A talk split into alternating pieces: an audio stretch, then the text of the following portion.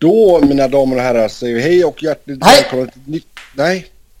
Alltså, att jag aldrig får köra hela grejen igen när vi ska avbryta. Ja, inte, Ja. inte ens när jag är sjuk så får jag göra hela introt utan att det ska Okej, vi börjar om då. Mm. Hej allihopa och hjärtligt Hej! välkomna till... Nej, Ni är as. välkomna till Svensk Fans NHL-podd. Mitt Tack. namn är Sebastian Norén och med mig som vanligt Jag är heter Niklas Robin. Wiberg och Robin Fredriksson. Jag är någon slags här feberyra här. Jag har varit sjuk hela veckan. Eh, Niklas och Robin gör det mesta av detta såklart. Så eh, ja, det här kan bli ett intressant program. Vi ska gå igenom samtliga lag, kolla vad, vad som har hänt här första dagen på Free Agency Frenzy.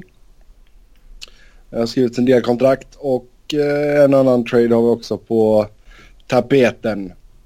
Sen finns det ett par intressanta UFAs fortfarande på marknaden.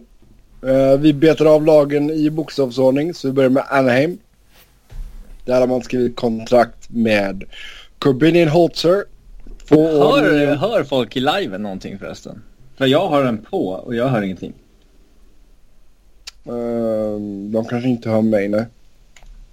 Så nu hör de mig. Ja, Det måste ha varit jättekonstigt att höra introt för dem. jag och Robin sitter och fyrar Ja. oss. exakt. Exakt. De fick inte ens höra introt. Rusa mycket Ehm. då. Men det får ni ta om ni ska lyssna live. Corbinian Holzer. Två år, 900 000 i capita. Cam Fowler, åtta år, sex och en halv miljon i capita.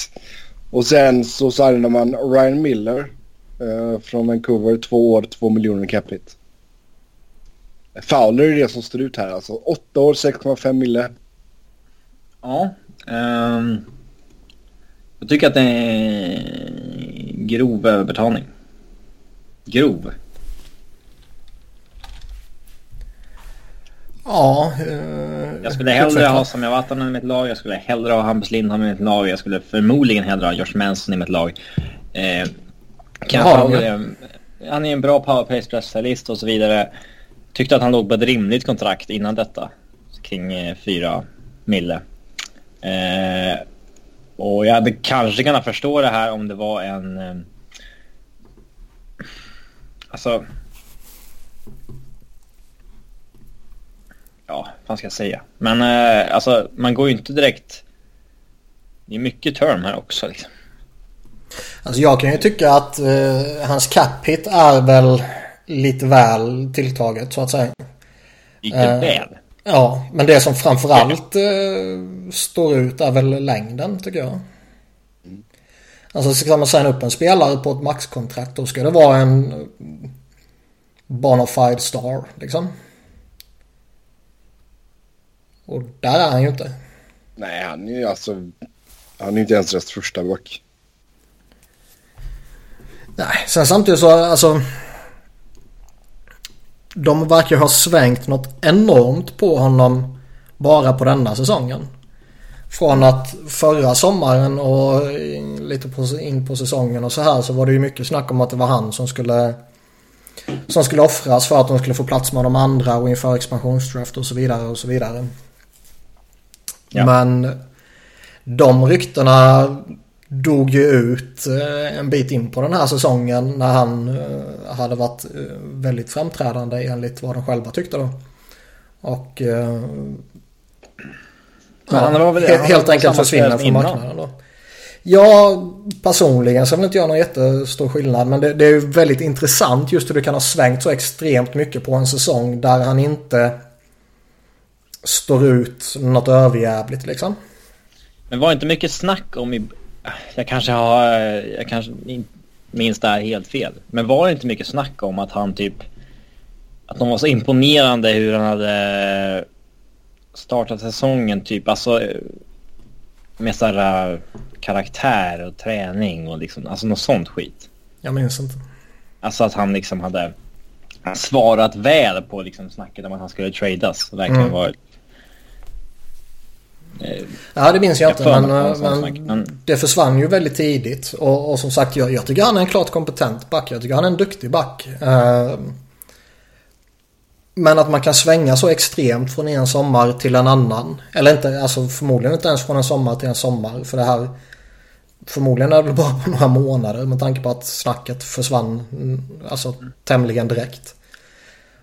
Och han kommer inte från en överjävligt bra säsong om man tittar på lite produktion och lite alltså 5 mot 5 poäng och sådana här saker. Det är liksom inget märkvärdigt överhuvudtaget. Och eh, possession-siffrorna är hyggliga, står inte ut på något sätt. Så det, det är inte direkt som att han går in och Ibland kan man ju se en spelare bara göra en helt otroligt hög säsong. Som eh, alltså når en nivå som man aldrig någonsin kommer nå igen och som man aldrig någonsin har varit uppe på tidigare. Och så får han betalt baserat på den säsongen. Men så är det ju inte här heller. Så jag tycker det är lite lustigt. Men som sagt det som framförallt står ut det är ju åtta år. Mm. Detta kickar in då efter nästa säsong. Han har en, en säsong kvar på det nuvarande kontraktet. Han ligger på 4 miljoner. Uh, jag kan väl tycka att det, det kanske... Ryan Miller då? Ja, det kan väl rätt fair att han får en löneökning. Uh, han legat på 4 ja, miljoner så... Ja, titta på vilka andra kontrakt som delas ut och så vidare så är det väl fair att han får en löneökning givetvis. Men som Men, sagt, ska han signa åtta år då ska han... Alltså gick han ner i cap hit för att få längd liksom? Vad, vad, tror vi att det innebär för eh, Josh Manson detta? Innebär det att det blir han som ryker nu eller liksom klarar man av att hantera det här och kan helt enkelt ersätta Bjäxa med honom bara? Det finns ju en del andra som kanske ska upp i, upp i lön också mm. snart. Um, för Getzlaff, Perry och Kesslers kontrakt försvinner inte på ett tag. Jag undrar om uh, man kommer till ett läge där uh, man på allvar kommer försöka trada Corey Perry nästa sommar. Mm, för sig, de har bara fyra år kvar idag. Det känns som att de ska ha längre kvar för det, var, känns som det var rätt nyligen de signade det där. Mm. Men uh, tiden går. Jag tror, jag tror ändå att är det någon som kommer ryka så tror jag väl det är han i så fall. Ryan Getzlaff tror jag inte de är intresserade av att göra sig av med och han tycker jag fortfarande spelar på en väldigt hög nivå. Eh, Ryan Kessler kan man ju rimligtvis inte alls bli av med. Corey Perry lär väl fortfarande ha ett tillräckligt högt rykte och bör väl förmodligen fortfarande ha en hel del mål i sig de kommande säsongerna. Så ska man offra någon så är det väl han i så fall. Ja. Jag undrar om det, Sen... man har sett någon alla såg nu hur Nashville klev fram i slutspelet och vad det innebar med fyra backar och så vidare och så vidare. Så jag undrar om... Vi vet ju att det här är en copycat League. Att man tar efter det som är framgångsrikt. Så jag undrar om fler kommer värdesätta det nu och då ska de behålla alla fyra backarna. Ja, alltså det var ju väldigt bra fyra backar där. Lindholm, Vatanen, Fowler och Manson. Så det är självklart någonting man bör bygga på. Uh, Miller in som backup då till Gibson. Eller blir det mer 1A, eh, 1B? Nej, det tror jag inte. Jag tror prestationerna lär styra det, men... Eh, det är väl jättebra, eh, tycker jag. Mm. Två, två mil är absolut fullt rimligt och... Eh, eh, kontraktet går ut när, när Gibsons kontrakt går ut. Så att det är liksom... Det är perfekt situation för Anaheim. Ja, Arizona. Man skrev ett tvåårskontrakt med Nick Cousins. En miljon i cap hits. Uh, Cousins kom ju även trade där. Gjorde ju jäkla mycket innan draften här så de har inte varit så jätteaktiva på eh, free agents som man signade Clendenning på ett ettårskontrakt. Men det var ju, ja. UFAs Shane Doan såklart som uh, inte blev erbjuden en förlängning med organisationen. Uh, Fan vad bölade om det. Mm jäveln. Väntas ju ta ett tag innan han bestämmer sig dock för vart han hamnar. Fast jag läste något om att det var en handfull lag som hade hört av sig till honom. Mm. Eh, ta in Shane Doan på ett jättebilligt kontrakt. Det känns ju som att det är inte... Det är liksom ingen chansning. Funkar det inte så det är bara att göra sig av med honom liksom. Men... Det känns som att ska du ta in någon veteran på ett billigt kontrakt för att fylla ut lite djup. Då hittar du ju bättre spelare på marknaden. Ja. Så jag skulle inte bli jätteförvånad om han eh, tvingas in i pension. Nej. Mm. Boston, där köpte man ut Jimmy Hayes. Så nu har man ingenting kvar att visa från Sagan-traden. Jo, vi har alla minnena. Vi har... Vi Eh... har videon på något. Ja, jag tänkte säga det. Vad fan hette programmet? Behind the beast. Behind the Så var det ja. We're gonna miss his speed. Yeah, Den in the kom- regular season we're gonna miss his speed. ja. Ja, den är klassisk. Ja, det är Jim Benning som, det är Jim Benning som verkligen pushar för det i, eh, i, i videon i alla fall. Men Ja. Fast det är ju... Man sitter ju och hoppas på att eh, han ska göra något galet Sweeney. Men... eh, han, han har ju inte varit så galen sen första, första veckan på jobbet. Så.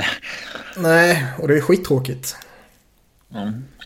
Nu har de i och för sig... De, Överskattad som galen GM. ja, lite så. Men man sitter ändå och väntar. Man hoppas ju.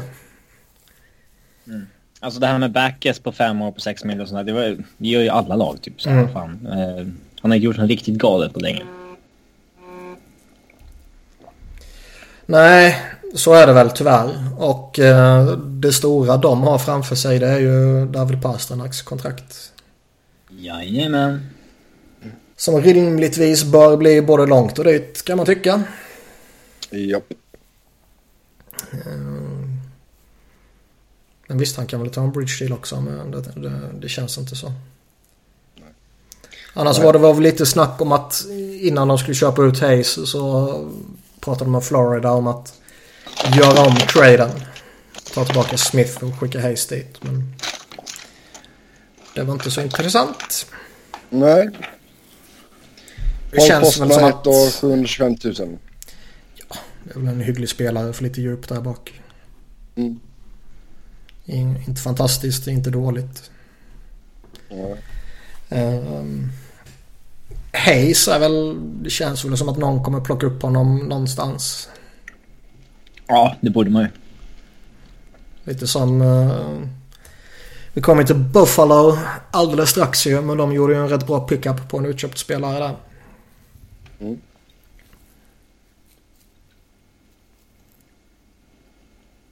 Och här serverar jag dig en övergång. Sebbe. ja, vi kan gå tillbaka till det där då. Han satt och hetsade oss fram när vi höll på att snacka om Fowler. Sen när vi väl är klara med Boston sitter han tyst i 10 sekunder. Ja, jag tittade lite på deras cap friendly sida här. Um... Buffalo då, Chad Johnson ett år 2,5 miljoner. Jakob Josefsson ett år 700 000. Benoit Pouliot ett år 1,15 miljoner. Sen skickar man um... Tyler Ennis, Marcus Foligno och ett tredje rundsval i 2018 års draft i Minnesota i utbyte mot Marcos Scandella, Jason Pomonville och ett fjärde rundsval i nästa års draft. Ja, eh, det intressanta är väl traden givetvis. Det jag syftade på när jag serverade dig den fina övergången var ju på... Jakob Josefsson. Nej men det är väl ett, ettår, ett billigt ettårskontrakt där på dryga miljonen. Eh, För en spelare som egentligen inte är dålig. Han var ju bara ett Överbetald. problem. Ja, exakt så tillvida. Så jag tror mycket väl det kan vara en jättebra värvning. Och Chad Johnson är Chad Johnson. Man vet vad man får. Josefsson kan vara en vettig eh, signing för djupet. Och Något nyttigt för Josefsson att byta lite miljö också. ja, Han har typ sju, alltså, sju år eller någonting i Devils. Eh, han har stått och stampat hela fast, tiden känns det fast som. lite mellan AHL och NHL och... Ja. Sen tycker väl jag att man får eh, det bättre i den här traden. Mm. Visst, Tyler, svårt. Tyler Ennis kan väl studsa tillbaka på något sätt och, och gör han det så har han ju en, en duktig spelare men eh, kortsiktigt, han eller Pomniville, det kanske inte är någon jättestor skillnad. Och Scandella är ju, ja, han är ju ingen superback men han gör ju Buffalos försvar bättre. Eftertraktad verkar han i alla fall ha varit. Ja. Skandella. Ja. Alltså backar som kan spela i top 4. Eh, ja, håller sig eftertraktade. Inte så konstigt. Gifford Pommer vill att flytta hem. Oh ja. Ja, nu tycker jag väl inte Länge han har har... varit i Mini ändå alltså. Men det känns som att han tradades dit för något år sedan va? Fyra Mm. och ett halvt år. Ja. Nu, tycker, nu har liksom... Gör han 15-20 baljor och 50 poäng så gör han en bra säsong ju. Och idag är det en bra notering. Mm. Och Ennis är väl kanske något liknande eller pyttelite bättre. Mm. Så jag tror eh, spontana känslan är att det här är en bra deal för Sabres. Bra off-season start över, överlag. Ja. Ja, det verkar eh, som att de kanske har fått in lite vettigt eh, där nu. Ja, det ska man ju akta sig för att säga kanske. Men eh, Nej, men Jason Potterill har ju gjort bra grejer hittills. Men, eh, ja. GMs kan eh, vända snabbt. Ja, jo, givetvis. Kommer vi till Tampa snart? Mm. Men det här är ju det enda vi har att gå på trots allt. Och Exakt. hittills har han gjort det bra. Hittills har han gjort det bra. Eh, vi går över till Calgary. Där så köpte man ut Lance Boma och Ryan Murphy. Ryan Murphy fick man i en trade från eh, Carolina tillsammans med Eddie Leck. Och ett sjunde rundsval i 2019 års draft. Eh, till Carolina så skickade man Keegan Keinsig och ett sjätte rundsval i 2019 års draft. Så man fick Murphy och så köpte man ut honom. Ja. Är han Och- så alltså... Jag trodde ändå han höll lite, lite, lite värde, eh, Murphy. Men ja, han är uppenbarligen stått still ett tag. Han fick ju nytt kontrakt eh, direkt ju. Så Jo. Han behöver inte vänta länge på det. Mm. Men det är intressant där för Calgary går ju verkligen för det. Ja. De... eh, vad säger man? Eh, nu tappar jag ordet. Det vet jag inte. Men jag ska säga vilka spelare de signar också.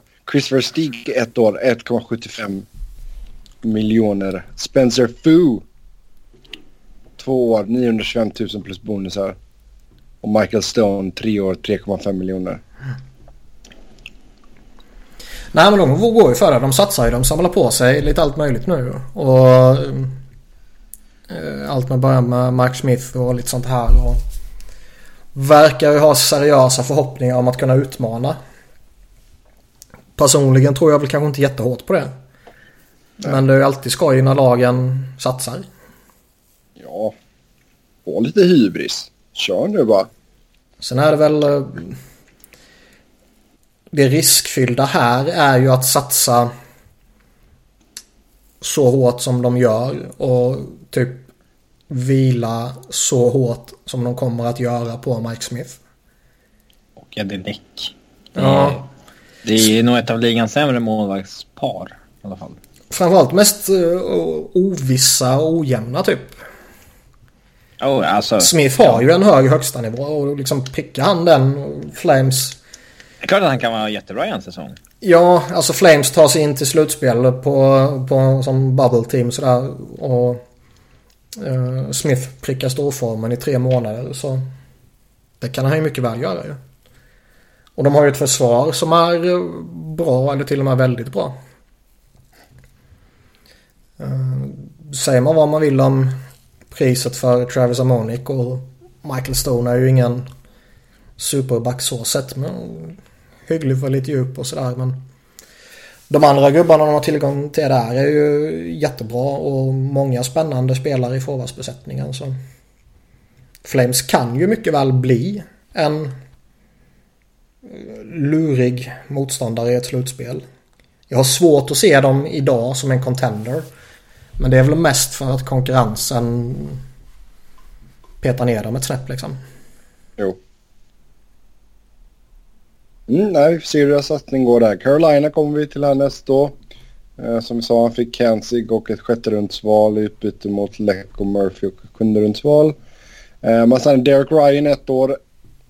på drygt 1,5 miljoner. Brook, Brooke McGinn två år på drygt 888 000. Och sen Justin Williams kommer tillbaka till Carolina. Två år 4,5 miljoner capita för honom. Mm. Um. Det är väl inte helt dumt att lägga de pengarna på Justin Williams om man liksom har dem. Uh. Nej, det är väl en bra kille att få in.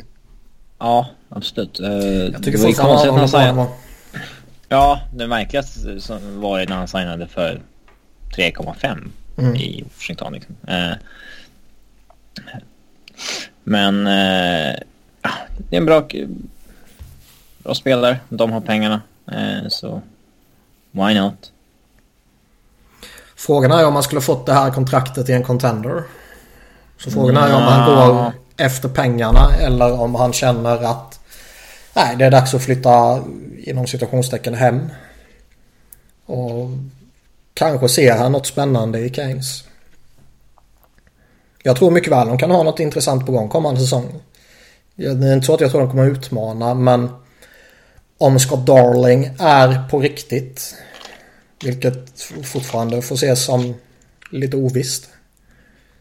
Så tror jag Keynes mycket väl kan bli en obehaglig överraskning i Metropolitan och Eastern. Oh ja. De har en bra backbesättning med några unga backar där och ytterligare någon på ingång och hel del giftiga pjäser i offensiven. Så får de allting att funka så kan det vara värt att se upp för dem. Men utöver Williams så är det väl inte jättemycket sexigt de gjorde. Nej. De behövde mm. dumpa en målvakt och... Ja. Det kom ju till ett litet pris med tanke på att de fick retaina lite och så här men... Jo. Det har de ju capspace för att göra. Och får de då OK på budgeten så... Det intressanta är väl att det fortfarande ryktas lite om en...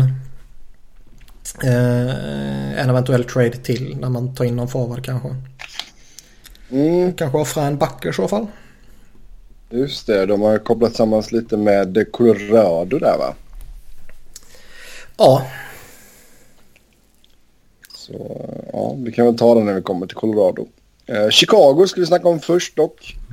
Eh, Patrick Sharp vänder tillbaka. Ett år 800 000 plus bonusar. Sen eh, Thomas Jurko ett år 800 000. Anton Forsberg två år 750 000. Lance Boma inga uppgifter.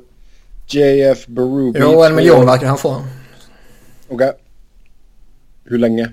Ett år. Ett år, en mille, okej. Okay. JF Berube två år, 750 000 och sen så skickade man Marcus Kryger till Vegas Golden Knights i utbyte mot Future Considerations. Ja, barrunda när Chicago kommer till Vegas. Exakt. Celine Dion-biljetter. Anledningen till att traden drog ut på tiden var ju för att Kryger hade en signing-bonus som skulle betalas ut den första juli. Ja, det är två miljoner. Två miljoner tror jag det var. Mm. Och det är väl uh, onödiga pengar bra. för Vegas att slänga ut. Bra. Uh, bra liten spelbudget han har med sig här då. När han ja. kommer till Vegas. Ja. Mm. Men uh, ja, återigen kommer ju Hawks undan ett billigt. Berube OK målvakt in för de pengarna. Anton Forsberg också. Man har två alternativ.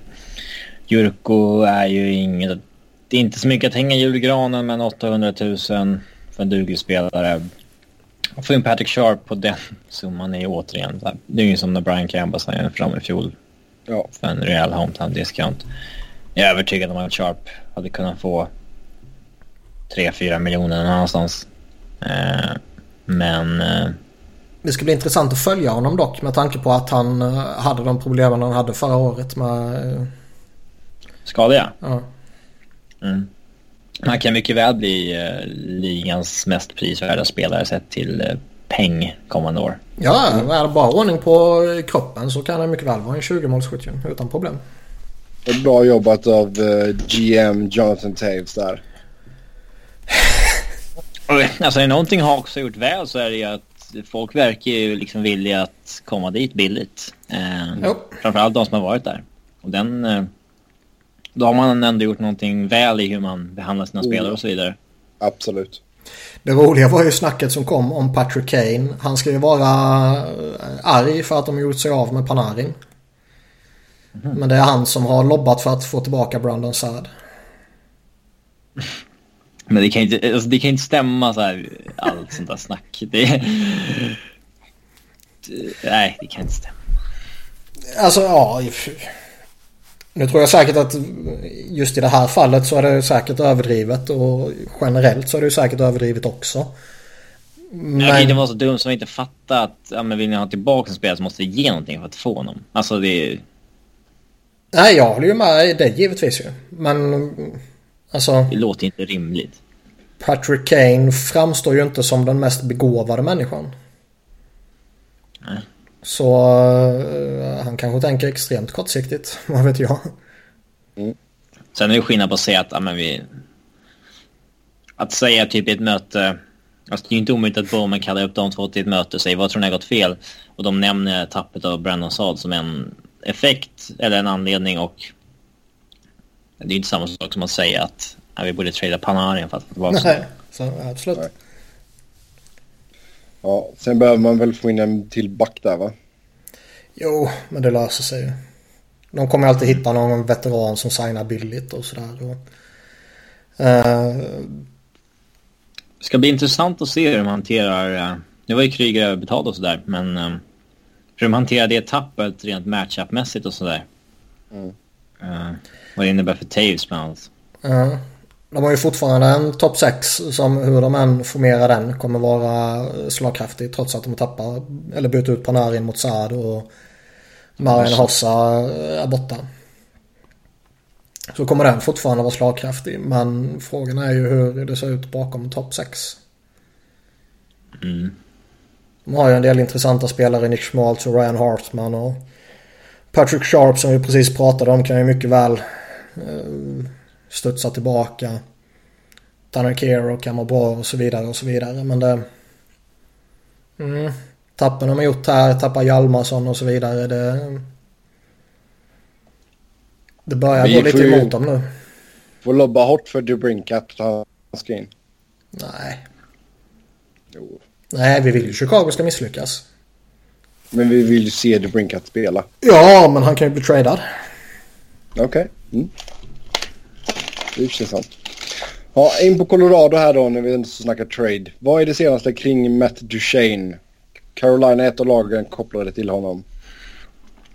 Att eh, de verkar begära en Kings ransom för att släppa honom. Ja, vad är det Eh. Sakic vill ha här nu? Det vet vi inte. Men eh, alltså. Jag har sett att en del ändå har kastat lite skit mot Ävs på grund av det här. Framförallt Joe Sakic. Alltså, där en dreger har svingat lite någon gång och sådär. jag fattar inte det. Alltså. Det, man kan anklaga Joe Sakic för att vara en dålig GM av många anledningar. Alltså att man har gjort en säsong där man har tagit 48 poäng och så vidare. Men man kan ju inte anklaga honom för att vara dålig för att han inte släpper Matt Duchene billigt. Nej. Där- Nej, där ska man ju få riktigt bra betalt ju. Ja. Eh, jag vet... Jag vet jag, vissa verkar tro att de bara ska typ ge bort honom bara för att han har haft ett svagt år. Det är fortfarande en kille som... Om man kollar spel 5 mot 5 points per 60 så är han liksom topp 10 i ligan de senaste fem åren. Det är... Det är ingen som borde komma cheap. Han är 26 år och förmodligen rätt villig att signa ett nytt kontrakt där han hamnar. Ja, för att han verkar vara liksom en, en lojal kille sådär. Ehm, Det fascinerande med honom dock. Jag, jag håller honom högt. Jag tycker han ska kosta jättemycket i en trade och så vidare. Och, men ja, det som talar emot honom lite är väl att han egentligen bara haft en säsong som är poängmässigt riktigt bra. alltså han har väl haft eh, två säsonger Ja, som varit svaga. hela. Övriga har varit bara... Eller ja, du menar så. Mm. Två säsonger har varit svaga. Resten av säsongen är bra. Eh, och de, de svaga åren är ju den, den här som var. Och sen säsongen eh, 11-12 när han var skadad mycket. Just. Jo, jag syftar ju med på att alltså, 55 och 59 poäng är ju bra. Men det är ju inte liksom superbra. Mm. Och det tror jag kan tala lite emot honom. Eller just vilket anseende han kanske har. Och jag tror det kan tala emot eh, Joe Sakic i förhandlingar. Mm. För även om, alltså vi, vi kommer ju till det så småningom. Men vissa lag har ju sina egna analytics-verktyg. och de tittar ju på saker på lite lustiga sätt. Och jag kan tänka mig att eh, ska de betala väldigt dyrt för en spelare som inte gör överjävligt många poäng så kanske de tvekar. Mm. Och nu menar Men inte jag att jag tycker så. vara- Men jag kan tänka mig att många GMs tycker så. Lagen som verkar vara heta främst är väl Nashville och eh, Columbus. Det är väl de som har nämnts eh, Oh! i... eh, Toronto signar Patrick Marleau. Sådär ja. Breaking news. Tre år. 6,25 miljoner capita. Va? Tre år? Tre år? Ja. Oj, oj, oj. Kyle Dubas approved. Nej. Tre år? Jävlar! Fan häftigt ändå alltså. Uh, jag tycker fortfarande... Rikta mig. Oh, full no movement-klausul. Ja men det är klart han ska kräva det. 38 år igen. Men herregud. Gjorde 48 poäng i fjol. Jävlar.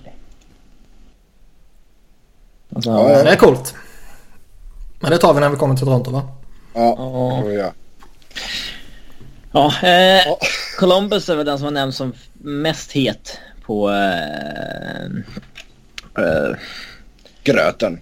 ja, eh, där... Jag läste något rykte om att Avs har bett om Gabriel Karlsson och slash eller Ryan Murray.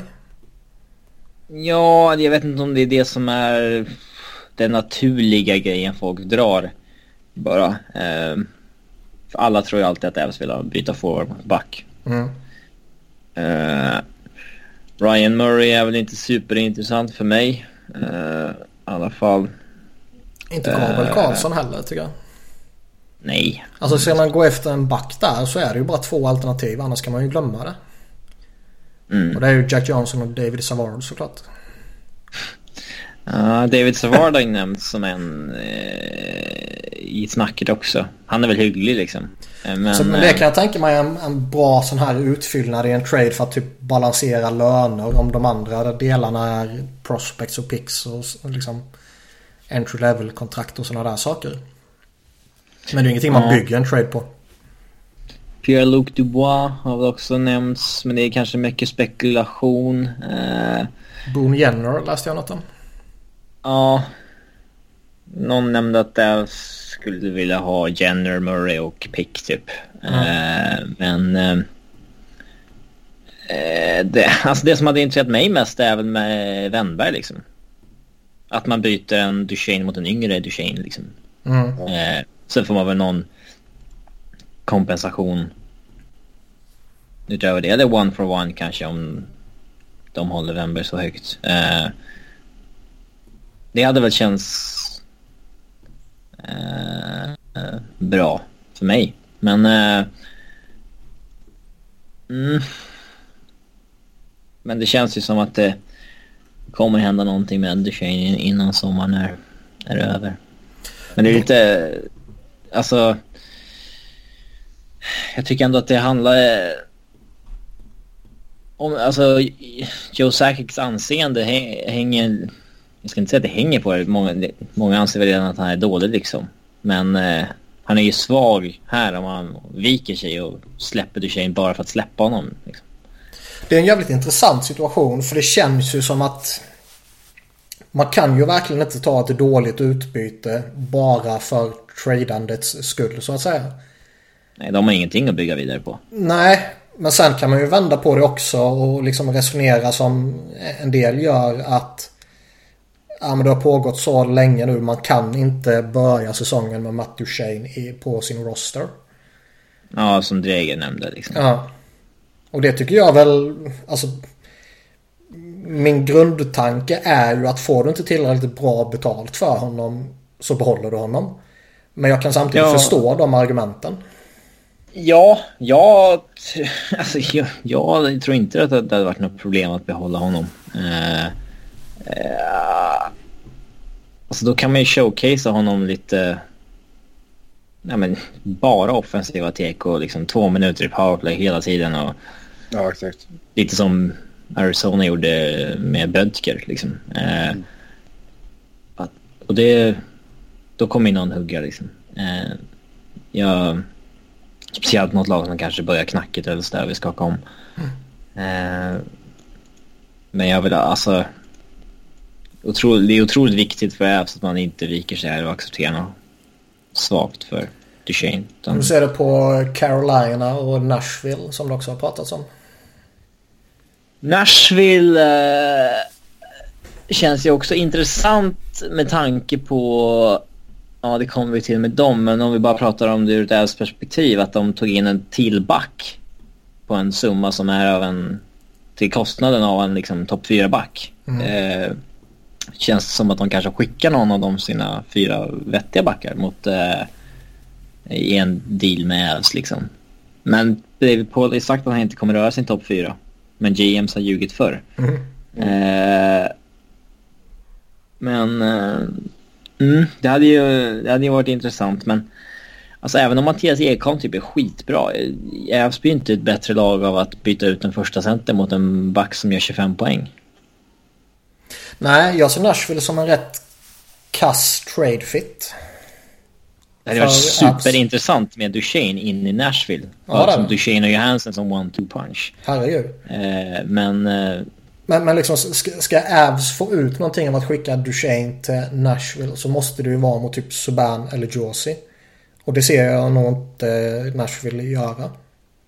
Nej, man kan inte trada för Josie för han kommer inte...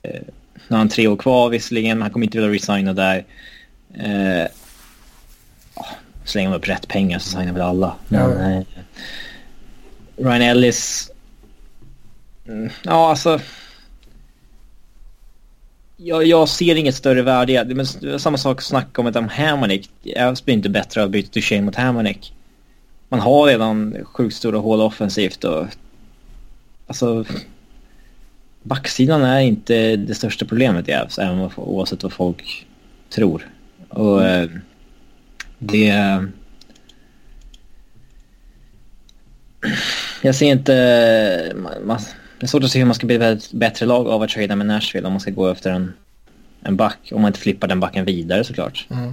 Men då är alltså en Viktor Arvidsson är ju mer attraktiv. Eh, eller mer logiskt, han är inte mer attraktiv än Ekholm, han kanske är mer logiskt att involvera en trade. Eh, så att... Eh, mm. Man gjorde en liten Keynes då? Ja, vänta. Keynes. Där... Eh, Det enda logiska som har pratats om där är ju det som du precis har snackat om kull. Att man byter en back mot Duchene. ja, men det är skillnad på att byta mot en 20-årig Noah Hannifin. Absolut. Eh, då kan inte jag blivit så här uh, tokimponerad av Hannifin liksom. Nej. Så att jag... Känns det heller inte iberintressant tycker jag. Men... Eh, alltså man... Har man...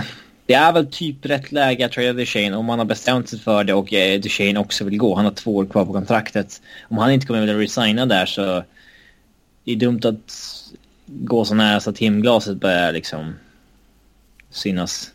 Mm. Eh, då kanske läge att göra det nu medan han är ändå 26 år till sig. Då Man får ut, man får, ju- man får ut mer om man tradar för honom nu liksom.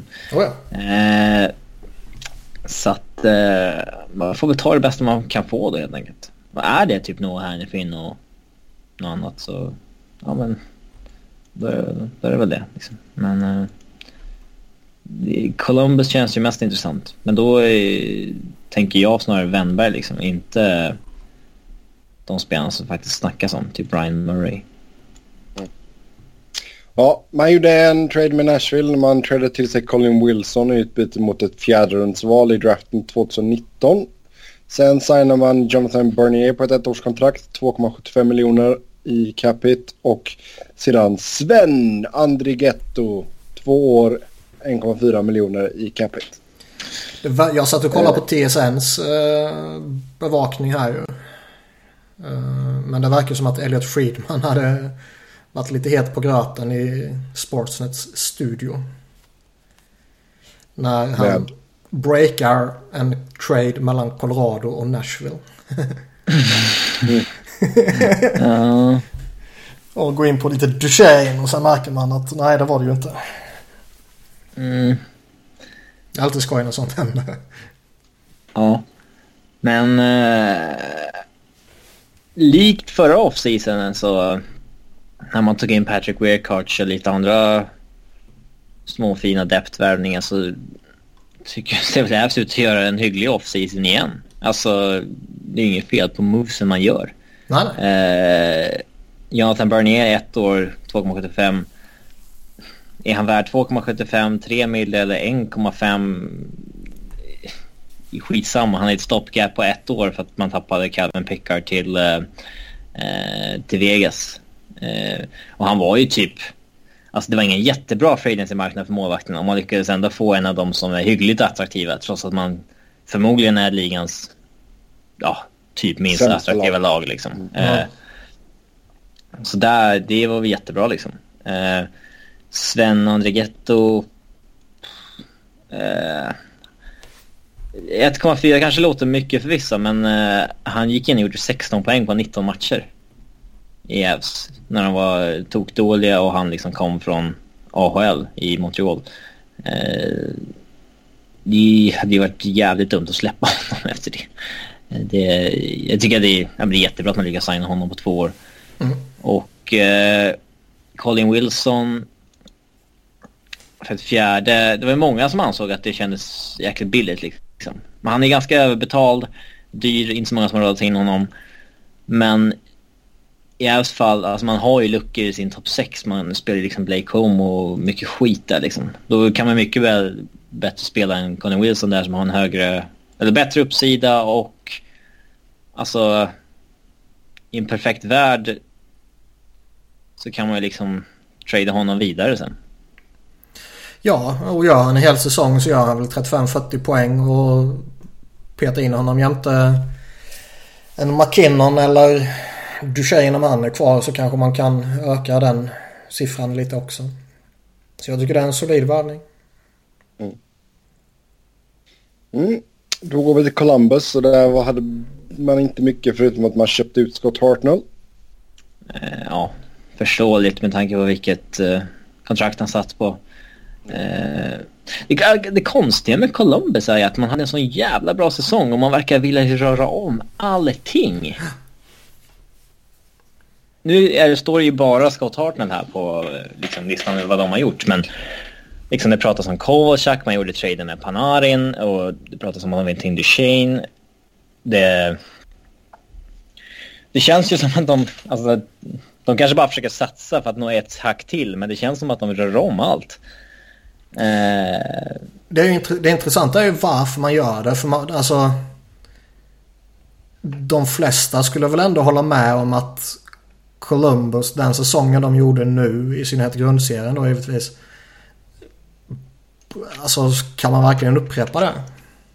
Är det, är det rimligt att förvänta sig att man kan upprepa och göra det? Eller är det mer rimligt att förvänta sig att man kanske är ett bubble team och så vidare? Mm. Uh, det känns ju orimligt att Columbus själva tänker så. Ja, men, men eh, alltså man får ju känslan av att de någonstans tänker att okej okay, nu ska vi uppgradera för att vi ska kunna upprepa den här säsongen eller ta ett steg till. Mm. Och, och liksom jag tar ju hellre Panarin än Brandon Saad. Mest för att... Men äh, är liksom... inte liksom Saad mer, nu har vi redan snackat om den traden, men Saad känns ju mera Columbus-kompatibel. Deras liksom, nu rullar vi fyra kedjor, han är bra fem mot fem. Ja. Eh, den biten. Men, men alltså de gick ju bort lite från det också förra året med, med tanke på allt som Tårtan gjort och hur de släppte loss mm. Sam Gagné och hela det här köret. Och nu tar de in Panarin ja, och ryktas som Kowalczyk. Så alltså... Uh Ja men alltså det här med fyra kedjor var ju Gagné en del av. Alltså ja, de... jo, jo, men jag menar mer att de vill ha skills och så vidare. Och inte kanske Columbus från tidigare år där de ska rulla fyra och gnata. Nu rullar de fyra med skills. Mm. Discotårtan. mm, ja, det är intressant. Vi ska det ska vara spännande att följa det... Eh, Blue Jackets. Framförallt om de får oh, in Kovalchuk liksom. Absolut inget konstigt med att man köpte ut Hartnell dock. Det, Nej. Nej, han satt ju på ett Paul Holmgren-kontrakt kan- helt enkelt. Det, de behöver ju lite pengar också. ja, det blir lite kommer ju- stökig buyout med tre mille nästa år och sådär på dem. Men eh, man var ju lite tvungna. De tvungna. väl lite Man, eh, också kanske. Ja, man ansåg att det var nödvändigt. Mm. Vidare till Dallas. Där köpte man ut Antiniemi. Det var inte jättekonstigt heller. Eh, sen så tradade man till sig Mark Methor från Vegas i utbyte mot ett andra rundsval 2020 och Dylan Ferguson. Är inte det den mest väntade traden som kunde ske? Method mot ett andra val. Typ. Alltså, eh, Frågan var ju bara var. ja exakt. Det visade ju sig sen i efterhand att Ja, jag märkte att du sa fel förra avsnittet. nej, jag sa rätt för det var det enda som hade kommunicerats ut. Okej, men det visade sig att du hade fel. ja, eh, man fick ju byta tillbaka spelare till sitt ursprungliga lag direkt. Bara om det inte var uppenbart att det var uppgjort innan. Ja, typ. Eller pre-cooked, som Ja. Brandon Ja. tyckte det. Men det, det, det var ju verkligen... eh, Det sades ju verkligen jättetydligt inte vara tillåtet förrän första januari. Eh, Och det var ju typ först i Det hade varit efterhand som rimligt, det... tycker jag. Ja, ja, jätterimligt. Oh ja. Oh ja. Och sen nu i, i efterhand så bara nej men det är fullt tillåtet. Så då, åtta var ju och pratade med dem givetvis ju. Ja. Sen så signade man Martin Hansel, tre år, 4,75 miljoner capita. Tyler Pitlick, tre år, en miljon. Esa Lindell, två år, 2,22 2,2 miljoner. Uh, Grejen att Dallas ser fan intressant ut nu alltså. Mm. Kan de Mycket på med eh, en av Seguin och Ben, förmodligen Seguin då som center. Och sen Spetsa och sen Hansel så är det ju en riktigt bra centergrupp. Ja, om han ska hålla sig frisk och i liksom rätt roll, så att Mm. säga. Så, eh, fan, det blir intressant där när Seigen ska ha nytt kontrakt, vad det hamnar på. Men ja, det är några, två år fram. Ja. Ett år fram. Eh, mm. Men eh, ja, de ser bra ut. Absolut. Många kontrakt som går ut. Men eh, Method är ju lite intressant så tillvida att logiskt sett så borde man ju ta in honom för att spela honom med Klingberg. För att man Oh, har ja. sett att han gör det så bra med Erik Karlsson i Ottawa.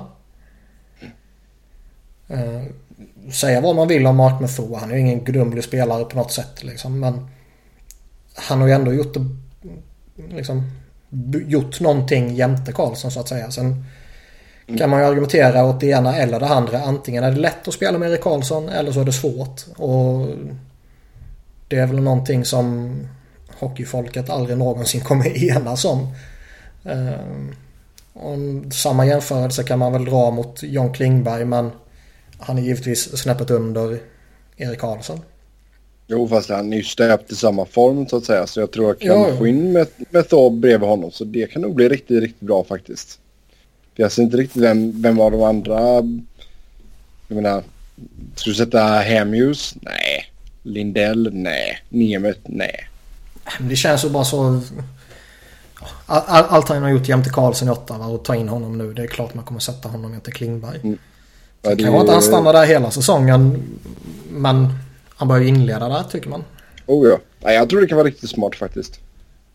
Och sen, Och ja, sen nej, det ser... Det ser bra ut i Dallas. En ny målvakt som... eh, känslan är ju att han borde vara en uppgradering. Jag är inte så övertygad om att det är en jättestor uppgradering. För om man bara tittar på gångna säsongen så fick Dallas målvakter lite väl mycket skit. Eh, och, och jämför Bishop som... Han är en solid, duktig målvakt men det finns lite frågetecken och så vidare och så vidare med eh, skadesituation och är han så bra som hans rykte säger och så vidare. Men spontana känslan är ju ändå att det är en uppgradering i målet. Mm.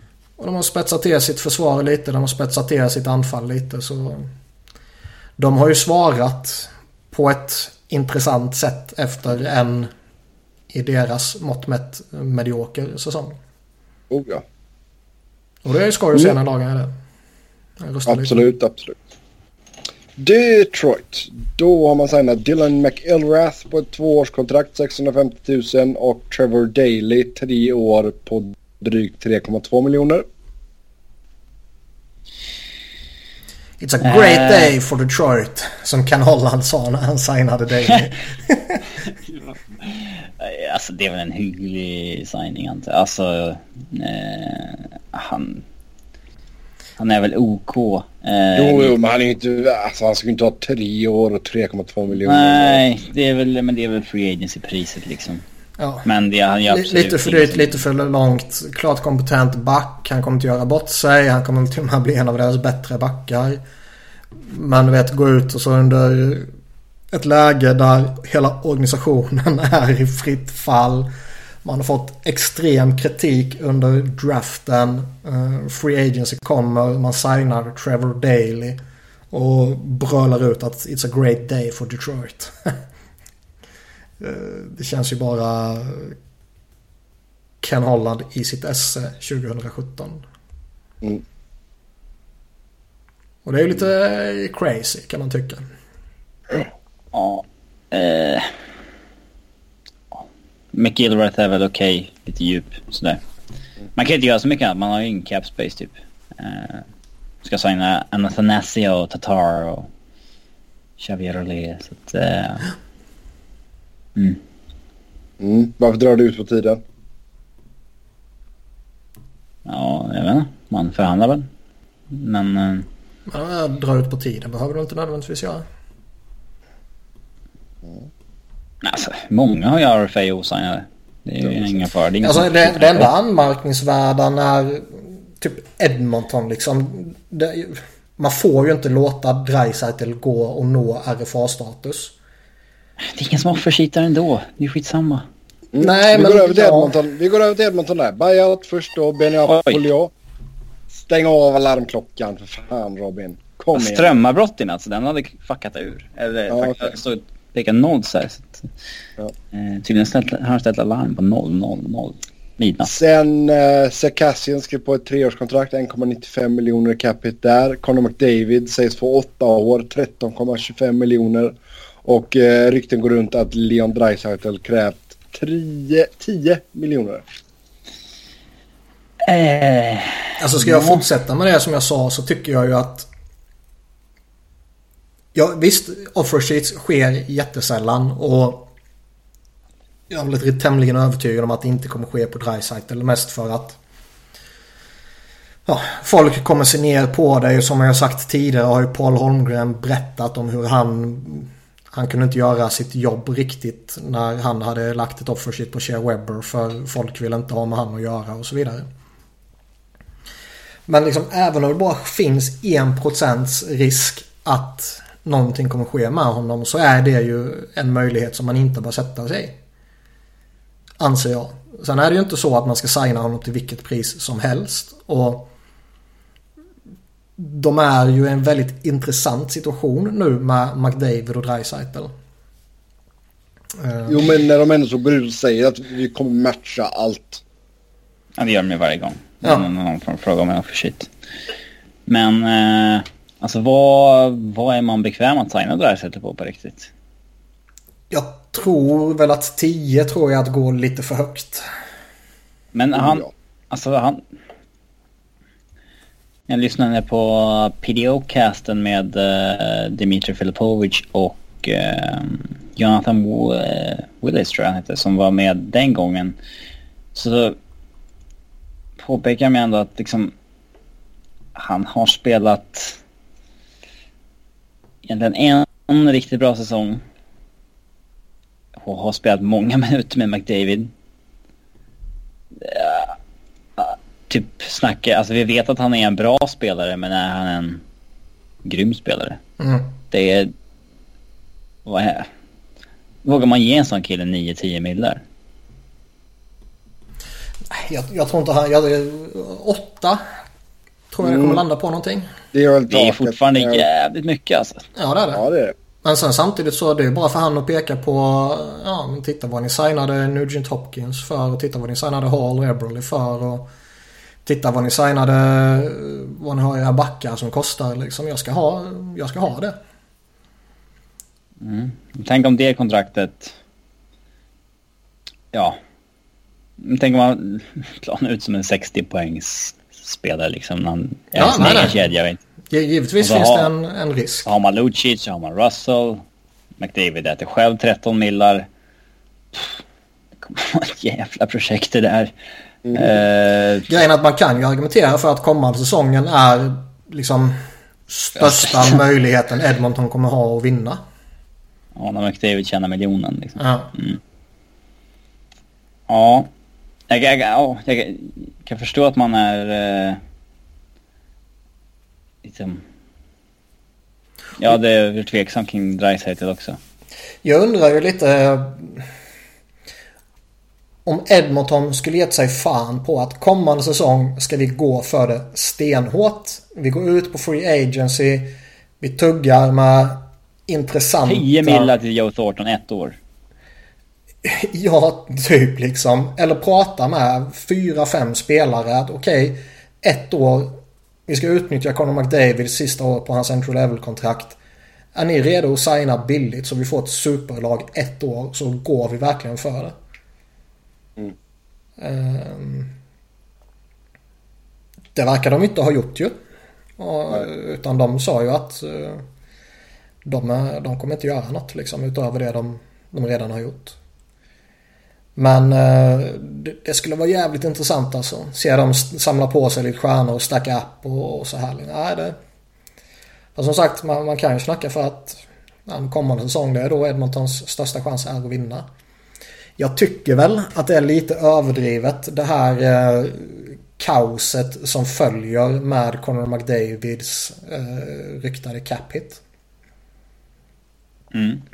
13 miljoner jättemycket. Går man tillbaka och tittar på vad andra superstjärnor har fått och sådär så är det ju... Måste man väl någonstans jämföra eh, hur stort lönetaket är också. Och där är det ingen...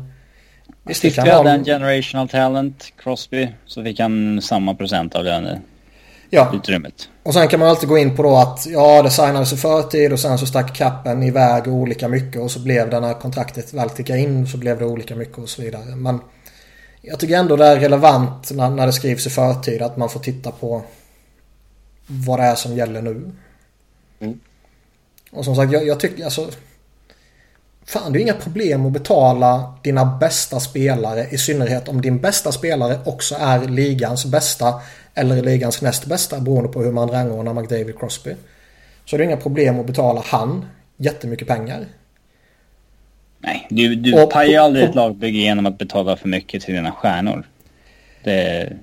Ja, det beror ju på vilka dina stjärnor är i och för sig. Ja, alltså man kan ju kolla på Hawks, Men- ja. Men det, i regel så... Men liksom betala Conor McDavid 13 det är inte det som kommer döda Edmonton. Nej, det är betala det är- Chris Russell 4. Ja, eller Milan Lucic på det kontraktet han fick och, och så vidare. Och Ryan Strome, det kontraktet han kommer få om ett år när han har spelat en hel säsong jämte Conor McDavid typ.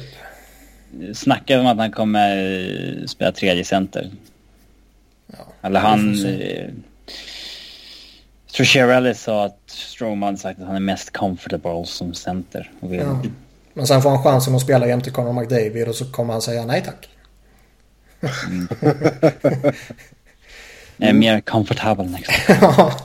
Ja. Men det känns liksom, ja nej. Jag, jag har inga problem att betala de bästa spelarna lite mer än vad man kanske egentligen tycker är liksom det man egentligen vill ha. Säg att man tycker att ja, men 12 miljoner för Conor McDavid, det är där jag vill gå och så får han 13,25. Dryga miljonen mer, ja men det är ligans bästa spelare de kommande 10 åren förmodligen. Det är ju inga problem. Och det är bara att titta liksom. Vad tjänar Kopitar och Toews och Kane och det gänget? Det är klart McDavid i så fall ska ha eh, mer än dem.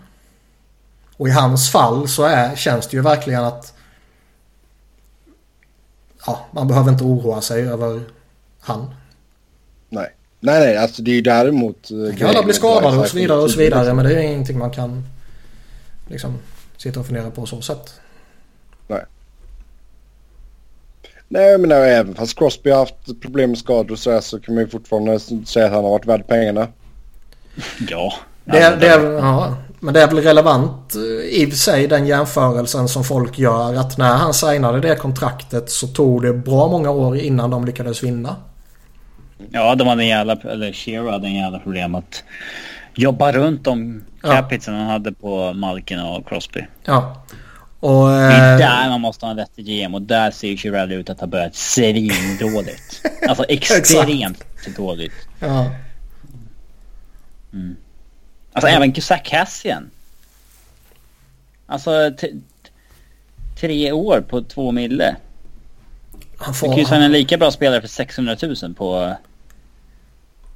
han får det ju för att han gjorde några bra matcher i slutspelet typ. Ja exakt men... Det är, Det är ett misstag. Ja, ja, Alltså- ja. ja, jag sitter ju inte och försvarar det. Ja, det, men det är ju det här, visst det är inget problem. Det är, alltså, det är inget problem i sig att Cassian har tre år på två mille men... Det är ju liksom många bäckar små. Det är alla de där problem, det är alla de där kontrakten som ser lite dåliga ut som tillsammans gör det helt omöjligt att vinna sen.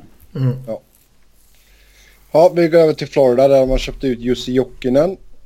Sen har man signat Mikael Haley, 2 år 825 000. Alek Petrovic, 1 år 1,85. Radim Verbata, 1 år 2,5 plus bonusar. Evgenij Dadonov, 3 år 4 miljoner. Jason Demers ska ha vägrat en trade till Vancouver. Och eh, notabla UFAs Jaromir Jagr och Thomas Vanek. Här är det väl intressant att man har gjort sig av med fyra av de sex bästa poänggörande forwards från förra säsongen. Jag hoppas att eh, Florida kraschar nu när de verkar göra allt för att liksom bevisa Motverka det de gjorde förra året. Ja, alltså, eh, att det statsfolket gjorde var fel liksom typ. Eh, Det är bara hoppas att det fallerar fullständigt. Visst var det säkert Eric Goodbranson de var ute efter i Vancouver? ja, säkert. Ja, för att få liksom reversa Ja. eh, helt. Alltså jag tycker ju fortfarande... De har ju fortfarande intressant lag. Deras unga core är ju hyperintressant. Och peta in en Jandal jämte det till exempel. Och Evgenij Dadonov är ju jättespännande att följa. Så de har ju fortfarande väldigt intressant core i, på gång. Och som förmodligen kommer bli snäppet bättre också med tanke på att väldigt många är relativt unga. Men eh, ja, som Robin sa, det, ja, det är precis som att man gör ett statement. Ja, känns det mest som handlar mycket om handlar mycket om det liksom. Ja, Eh, samma sak som när man lyckades skicka liksom, både Smith och Marchessault till eh, Vegas. Sen har det väl i och för sig, det har ju pratats om eh, rätt mycket om att de fick direktiv uppifrån att ni behöver kapa 10 miljoner dollar. Mm, ja, det, det kan man ju förstå. Alltså, Och, men då ger man väl fan i att exponera Marchessault i eh, expansionsdraften. ja, jag tycker även under de förutsättningarna så var det lite eh, bad asset management. Ja, men, ja, det finns ju absolut andra man kan kapa då. Ja. Ja. Som jag tror man kan bli av med också. Men som sagt, Dadonov ska det bli superintressant att följa. Eh, han... eh, han är bra. Nå, någon måste ju signa Jagr också. Ja, men det Han kommer gick, ske. ut, han gick ut sociala medier och var jätteledsen för ingen GM hade ringt honom. Ja, det verkar ju Mm, vara... det kan ju inte stämma. Nej, det stämmer ju inte. Det är ju några lag som har hört av sig till honom. Men han kan väl ha rätt i att de inte har hört av sig till honom utan de har hört av sig till hans eh, agent. Mm. Men det känns som att vill Jaromir Jagr spela i NHL kommande säsong så kommer han hitta ett jobb. Vill han spela för 5 miljoner så kanske han inte hittar ett jobb däremot. Han spelar för 3 miljoner. Ja, det är väl någonstans där som det kan vara fair i så fall kan jag tycka. Ja, Jag gillar honom. Jag håller honom jättehögt och, och, och jag tror att även om han är 45 jävla år nu och eh, så är han liksom ändå... Han kan fortfarande göra någonting och han är en tillgång i, i omklädningsrum och utanför isen och sådana där saker. Och han, han, borde kunna hitta ett jobb så länge han inte har jättestora pengakrav. Ja. Det är sant.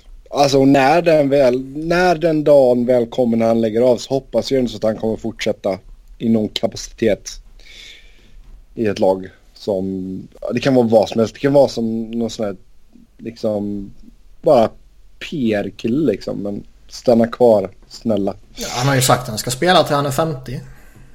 Ja, och tvärt emot vad många NHL-journalister verkar tro så menar han ju förmodligen inte i NHL. Men jättemånga verkar vara helt övertygade om att han har bestämt sig för att spela i NHL till han är 50. Men fan, han äger väl fortfarande laget hemma i Tjeckien liksom. Mm, då kan han spela där när han vill. Gå in och bli spelande tränare. Spelande tränarägare. Ja. Mm. Uh, Thomas Vanek då? Finns det något intresse där? Ja, det, vad det snackas om så verkar det vara en handfull lag eller något sånt där som har hört av sig till honom i alla fall. Och jag tror fortfarande han eh, är en bra forward i NHL. Eh, nu var det ju inte en supersuccé i Florida om man tittar på målskyttet direkt. Två mål på 20 matcher men han bör inte ha några problem att hitta ett jobb. Mm. Mm. Då går vi till Los Angeles. Där så slog man på stort. Man, det Mike Camilleri på ett år, en miljon. Och sen Darcy Kemper, ett år, 650 000. Uh. Alltså fatta hur jävla usel den forwardsbesättningen ser ut att vara. Du har liksom typ en första kedja med Dustin Brown, Kopitar och Camilleri. Och sen Pearson, Toffoli, Carter som givetvis... Det är ju första kedjan liksom. Ja, den, den är ju bra liksom. Den är bra. Men de har typ tre och en halv bra forwards. Mm. Kopitar, Carter och Toffoli är ju givetvis jättebra.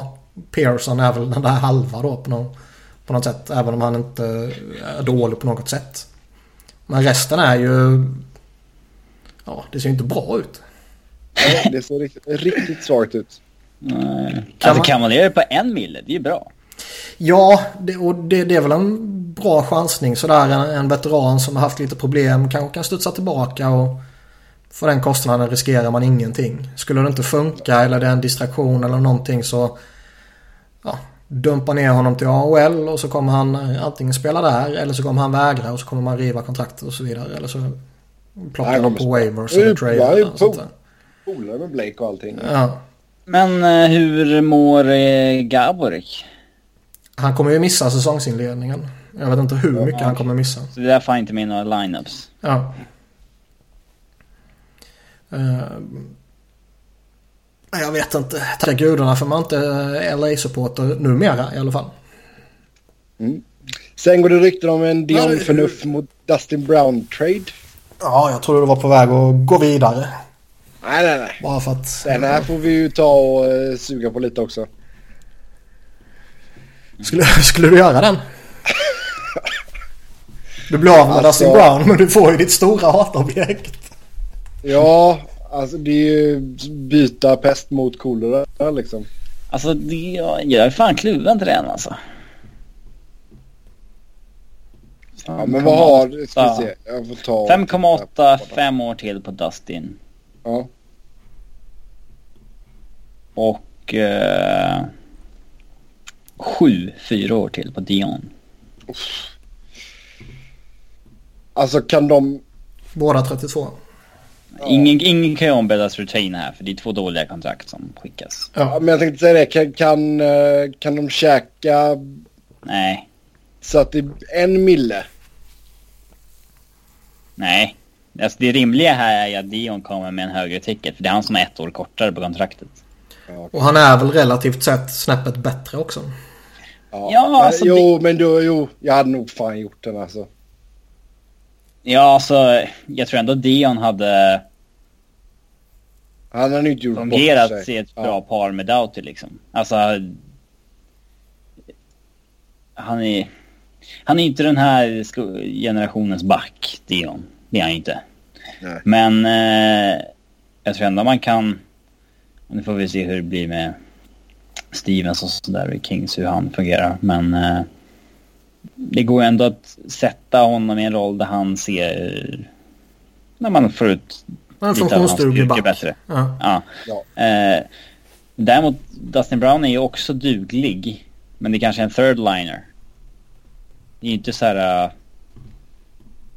Ja, produktionen som uh, halkar efter. Men han är ju inte liksom... nej, nej, han är ju en tre, eh, han är en, mm, som du säger, en third liner nu liksom. Nej, jag hade, jag hade nog fan gjort den uh, traden Niklas ändå. Då. ja, jag skulle nog gjort det. Om jag är LA. Jag vet inte om jag skulle gjort det med Mm. Ottawa. Alltså... Nej, alltså det är ju att du... Är det några uh, pengar de skulle tjäna på det eller? Alltså, för, nej, ja, Dustin har ju sjunkande lön. Kan ju vara det som attraherar... Uh, han är 6,5 i år, Brown. Men sen är det 5,5, 5,5, sen 4 sista två åren. Mm. Det kan ju absolut locka Melnick.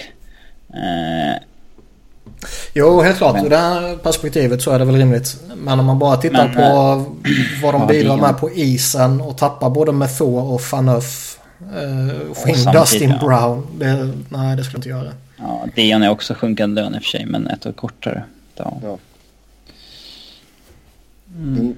Nej, men jag hade nog gjort det. Hade jag. Uh, ja, Jerome McGinla. Det är ju ingen idé att säga nytt med honom. Ja, har vi hört någonting om honom förutom att Rob Lake sa att han inte kommer resignas?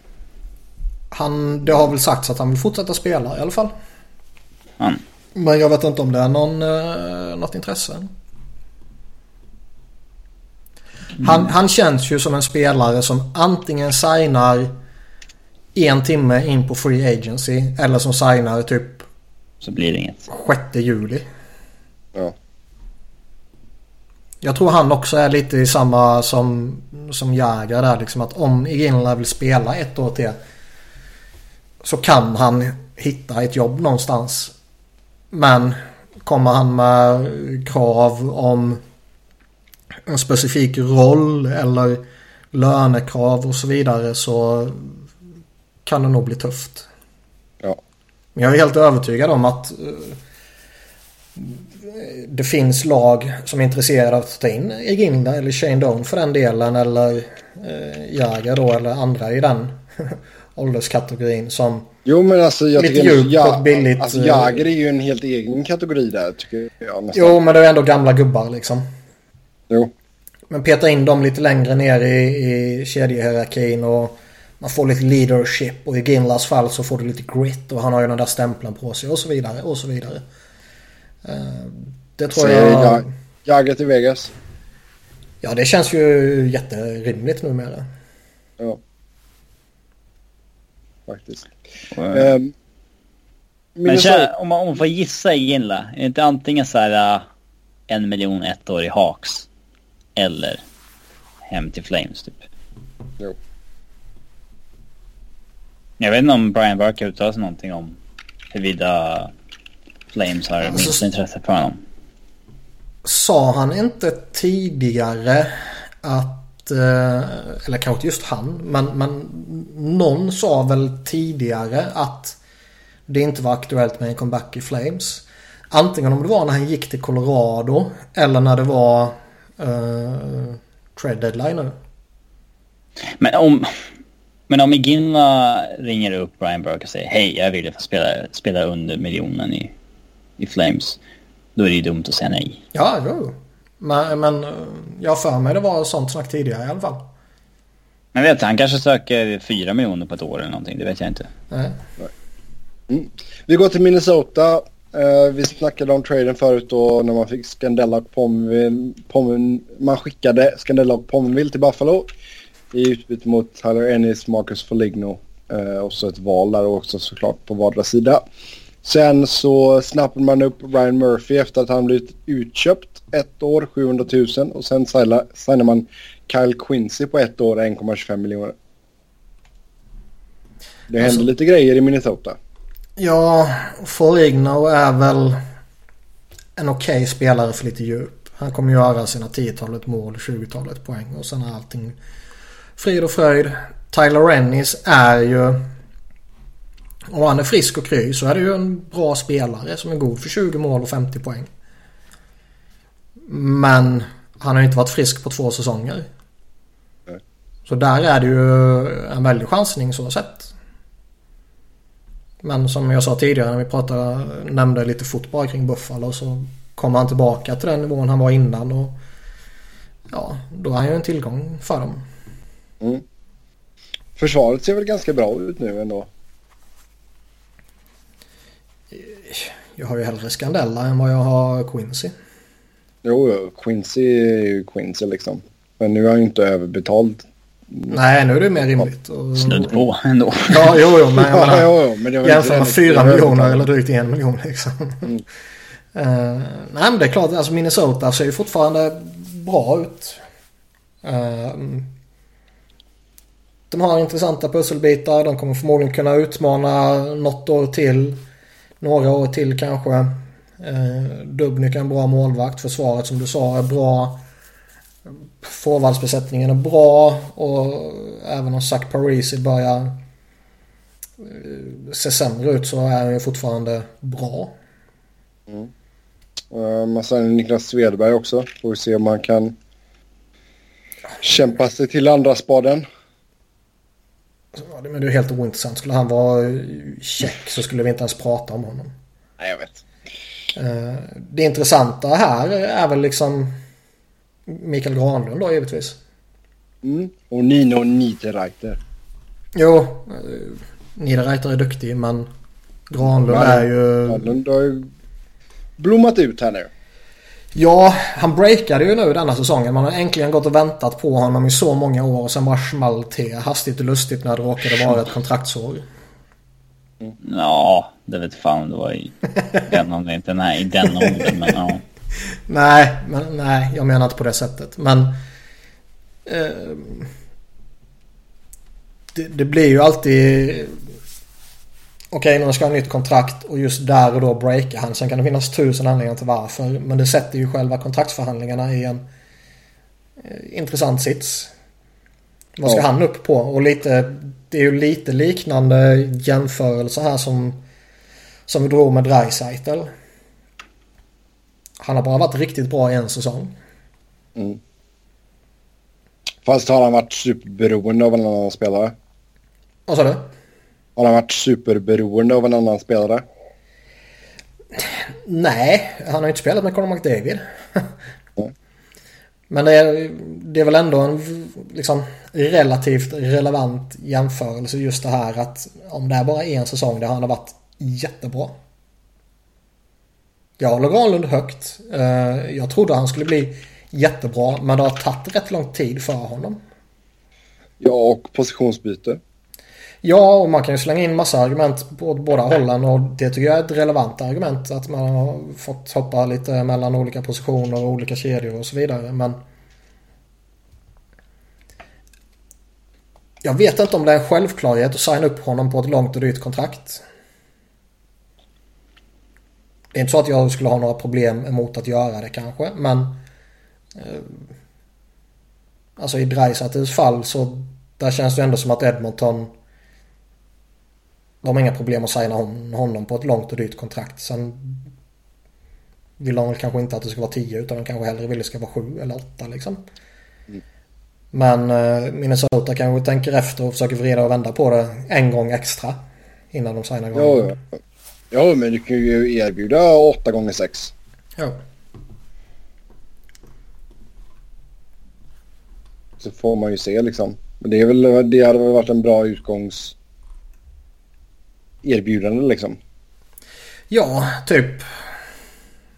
Uh, Niederreiter är ju intressant också. Han, han har gjort några bra säsonger där han är uppe på eh, 20, drygt 20 mål. Eh, Den här säsongen var ju hans bästa säsong också. Han ska väl ha betalt han med. Och sen nästa sommar går Mikko Koivus kontrakt ut. 35 års ålder och... Ska upp i den. Jo, men då är det ju tack och hej. inte om man, alltså, inte om man är lika bra som i år och liksom... Om man fortfarande är slagkraftig så... Det där kontraktet alltså, det är så jävla lustigt konstruerat. Lönen hoppar upp och ner och det är en massa signingbonusar och grejer och sista året här kostar han liksom drygt 9 miljoner. 9,18. Ja. Snyggt. En kreativ agent. Oh ja, oh ja. Eh, hoppar över till Montreal. Där så förlängde man med Carey Price 8 år, 10,5 miljoner i cap hit. Sen signade man Peter Holland 2 år, 675 000. Carl Alsner 5 år, drygt 4,6 miljoner i cap hit på honom. Joe Mora 1 år, 650 000. Och sen har man ju Andrei Markov och Alexander Radulov som är eh, UFAs. Ja, här finns det en del att ta i. Mm, ska vi börja med Price? Tycker du det är mest spännande alltså? Vi kan börja med Price. jag, jag, jag, kan köpa att de betalar detta. Grejen är att jag, jag tror att i det här fallet så äh, finns det inget alternativ för Montreal. Nej. Äh, givetvis kan man föra jättelogiska argument för att det är bättre att trada honom och det är man kan alltid gå upp till ledningen och sälja in en trade och man kommer få jättebra betalt för honom och så vidare och så vidare. Men jag är helt övertygad att skulle de tradat Carey Price så skulle ju fansen bränt ner arenan. Mm. Det skulle bli ett upplopp i Montreal ju. Ja. Det är klart man måste signa honom på det. Om det Ja, det alltså man signar honom och kostar vad det kostar vill typ. Ja. Jag Man, kan, kan inte, alltså, man, har ju- man har väl gjort vad man kan för att få ner eh, lönen. Liksom. Ja, och liksom har du ligans bästa målvakt och han har ett utgående kontrakt. eh, och jag verkligen tycker och känner att det är så mycket som spelar in. Man måste förlänga med honom. Ja, då är väl inte det här orimligt liksom. Nej. Och de flesta är väl överens om att Carey Price är den bästa målvakten i ligan. Och då ska han väl vara den bäst betalda också när han har möjlighet att bli det liksom. Mm. Eh, Mm.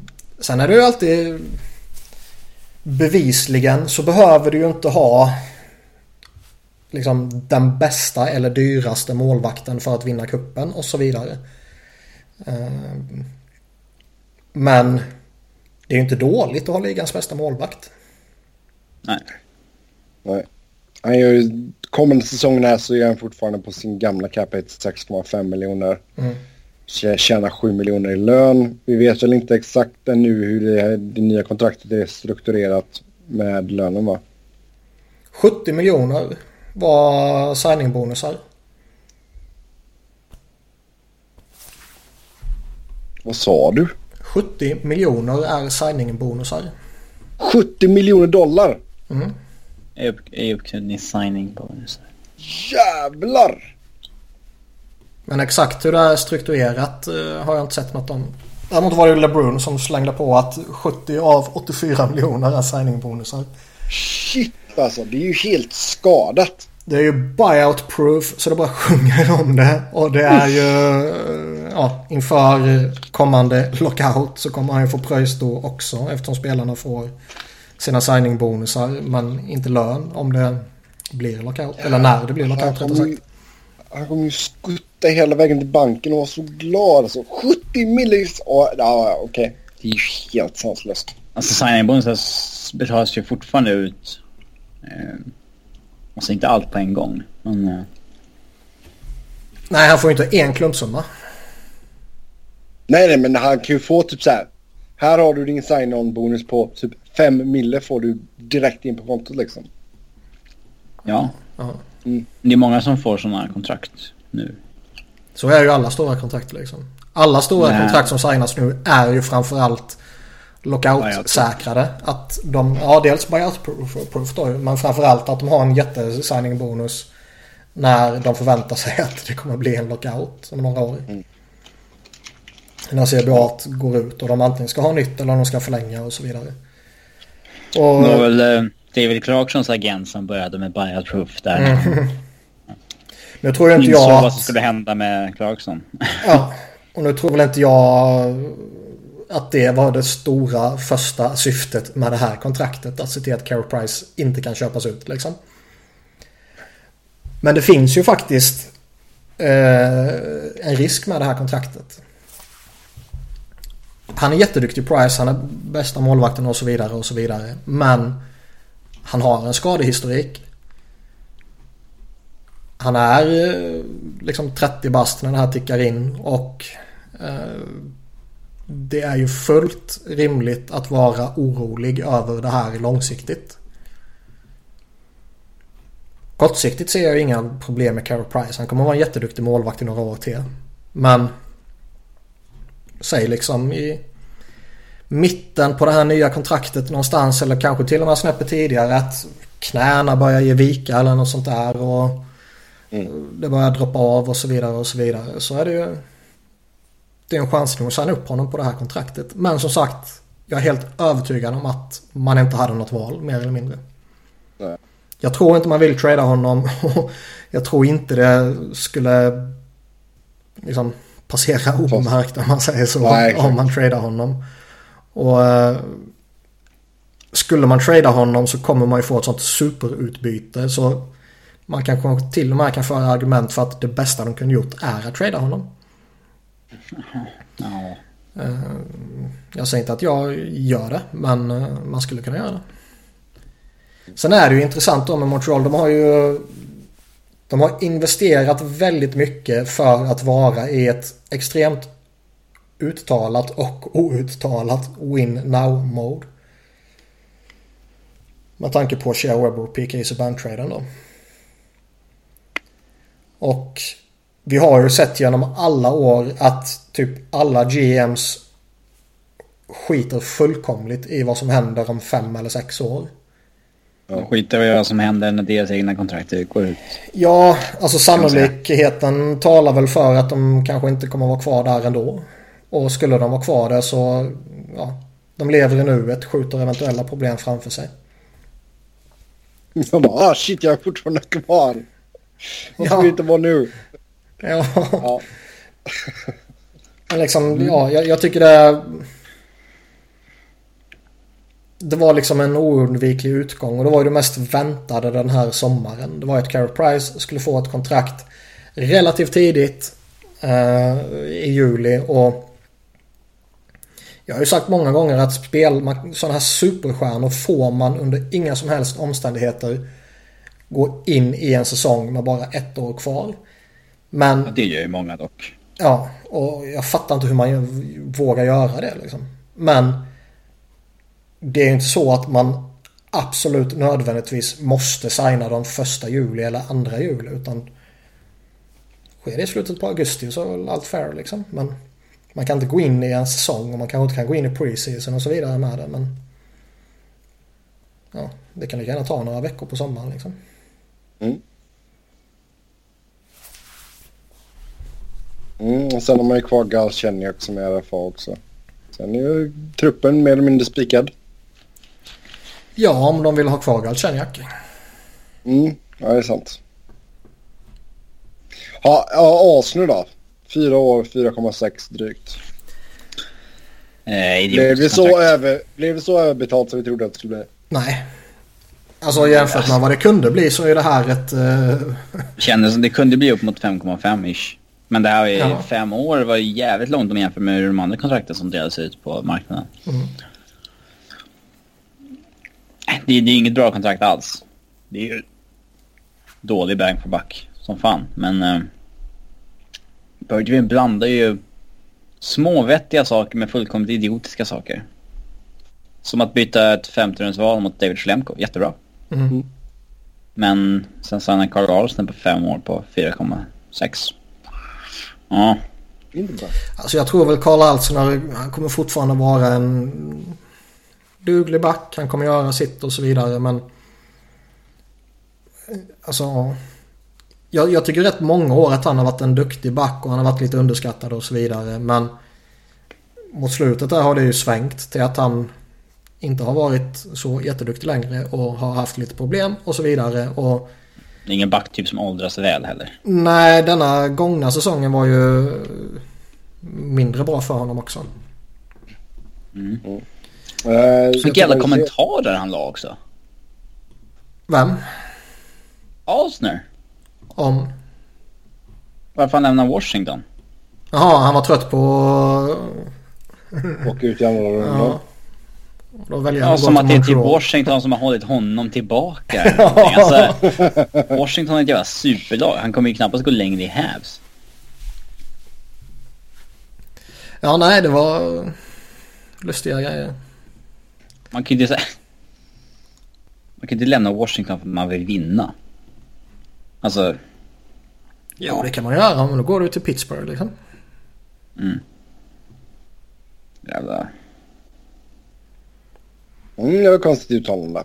Men intressant, Eh, de, vad är, de det är ju senaste om ändå... Radulov då? Eh, det senaste där är väl att typ Montreal och Dallas budar om honom. Mm. Eh, jag vet väl... Alltså... Ena veckan så ryktas det om att han vill ha ett treårskontrakt och sen går det två veckor och så snackas det om att han vill ha sexårskontrakt och så vidare. Och jag skulle vara jävligt tveksam att signa upp honom på sex år. Alltså han är en duktig spelare och sådär. Han visade ju sin klass när, när han signade för Montreal här. Men ja, signar han på tre år det är väl inga problem. Men ja. Ett riktigt långtidskontrakt skulle jag vara tveksam till. Markov?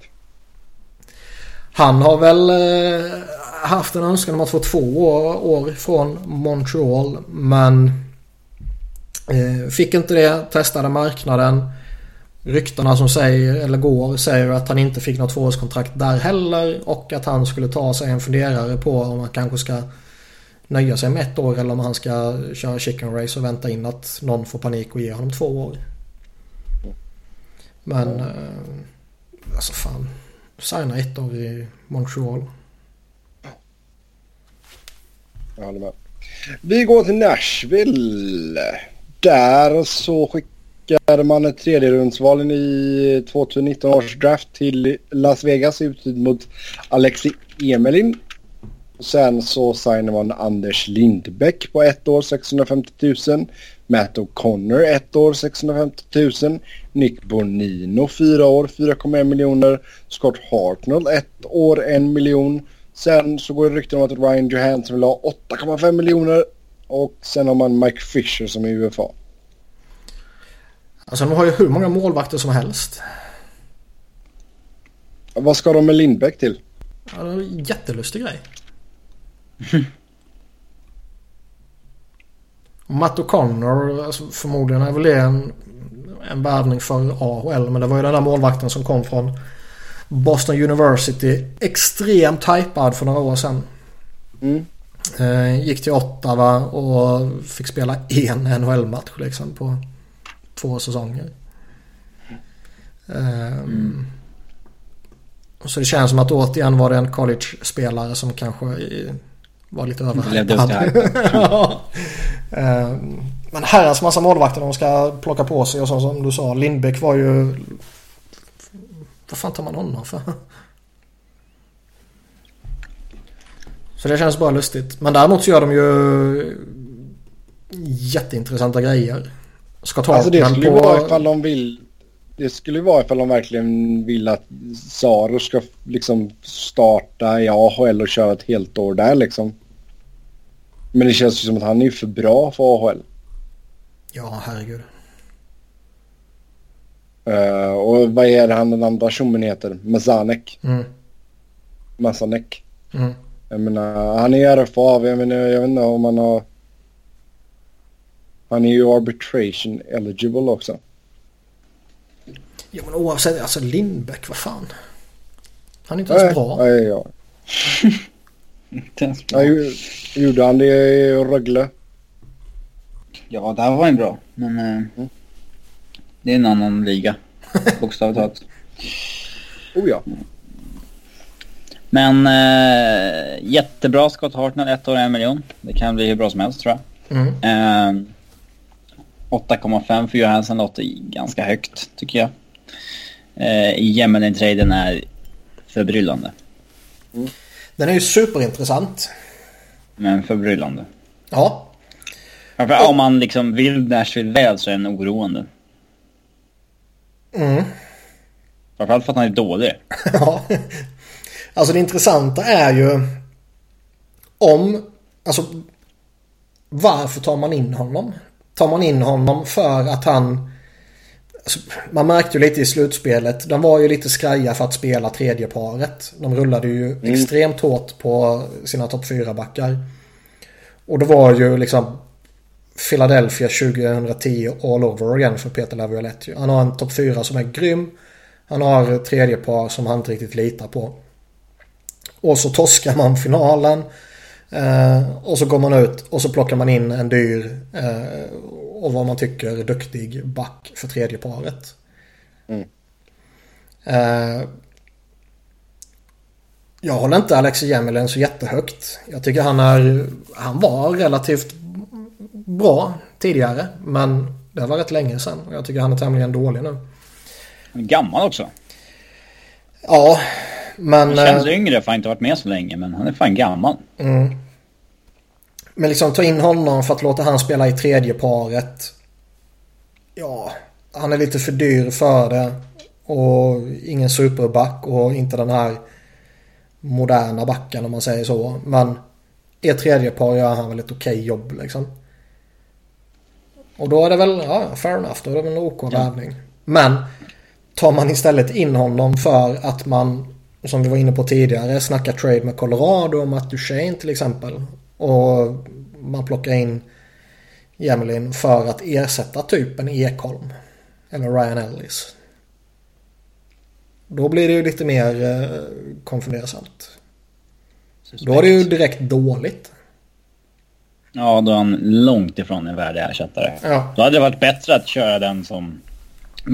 Teorin, vi skickar Ekholm mot eh, eh, Duchene. Då hade det, det hade varit bättre att vara den som hugger två år på Markov. Ja. Eller gå efter med Thor istället. Ja. Oh, ja. Så jag, men... Ja. Jag har Men så... går han in i tredje paret så är det väl inte... Nej, då är det okej. Men Och jag har så jävla svårt att se att man tar in honom som en ersättare för eh, någon av topp 4-backarna för att man ska skicka någon av dem. Ja. Det känns... Nej. Jag håller David Poyle lite för högt för det. Eh, Robin, du sa att 8,5 lät saftigt för Johansson. Hur mycket hade du varit villig att ge honom? Alltså, Alltså börjar han med sina utgångskrav på 8,5 och landar på typ 7, Sju. 7,5. Då är det väl fair. ja. Men... Eh, ja. Problemet är att man måste ju också vänja sig att marknaden är på väg upp för toppcentrar. Det håller ju Conor McDavid på att fixa. Jo. Man kommer inte kunna signa en på 6 längre om han tjänar 13,5 eller 13,25. Nej, man kan inte betala han i natura. Nej. Hej och... Nej, jag tyckte det här var roligt där. Mm. Det är... CBA tillåter inte det. Gunnar har bekräftat. eh, men eh, ja, alltså det, ja, det är väl kanske den nya marknaden då för centra. Det är, det är väl där kanske kring åtta då. Mm. Jag, jag lever kanske i det förgångna. Men det låter liksom högt spontant. Eh, De är ju, man ska inte på någonstans hävda att de har problem mot lönetaket. Men de har 20 miljoner utrymme nu. De ska signa Johansen som kommer ta en rätt stor del av det. Säg åtta. Ja, Viktor Arvidsson ska väl ha några miljoner Vad också. fan ska han ha liksom? Vad fan ska Arvidsson ha? Det känns, jag skulle väl inte bli förvånad om han signar det här. eh, Fyra miljoner på sex år. Ja. Grejen. Eller snäppet högre i och för sig kanske. Mm, ja, kanske. Men det känns som Men en såhär. Rakell-kontrakt. Vad sa du? Rakell-kontrakt Ja, egentligen. typ. ja. Men eh, ja, då är man där uppe och sen som Mike Fisher ryktas ju om lite då. Ska han fortsätta? Ska han inte fortsätta? Och snacket som går är väl att antingen spelar han vidare en säsong i Nashville eller så slutar han. Men jag menar spelar han vidare så jag har ju svårt att tänka mig att han spelar för League minimum liksom. Mm. Nej, men de har ändå tillräckligt mycket utrymme för att, inte, för att lösa allt det där. Ja, det är det. Men eh, de kan nog inte göra så mycket mer utöver det. Nej. Eh, nej. Och det kanske de inte behöver heller. Det är inte det jag menar. Men om man skulle vilja det. Bonino då? Ja, Bonino 4,1. Termen är väl okej och Det är alltid 4,1 kul är när en spelare går mellan finallagen. Det gillar man. Han fick väl inte term i Pittsburgh. Eh, Nej. men jag vet var- inte vad Ja. kostnaden eh, var. Ja. Men jag tycker som sagt signa honom på fyra år i dagsläget. Det är ju inga problem ju. Och eh, Lite hög kostnad kan jag tycka. lite hög kostnad men gör han samtidigt sina 20 mål och sina 40-50 poäng som han har gjort tidigare när han är frisk så... Han har aldrig gjort 50 dock. Nej, lite- 49 är nästan 50. Ja. Dödar Men mig inte alltså, för en poäng. Nej men alltså det är... Hans norm är inte 45-50. Alltså det är ju strax under. Ja, Eh, jo, absolut. det Men jag sa om han gör det.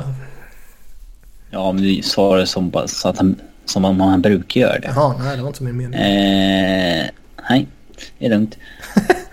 eh, han gjorde 52 i Italien i och för sig på, Ja, på 19 matcher. ja du ser. Mm. Men... Eh, han får alltså... Känns som att han får lite extra här för att han har två Stanley Cup-ringar Ja. färska. Jo, men så är det ju alltid. Mm. Och jag tycker väl, jag tycker ändå han är... Han är en bra in bra... i Nashville. Vad sa du? Kan nog passa bra in i Nashville också.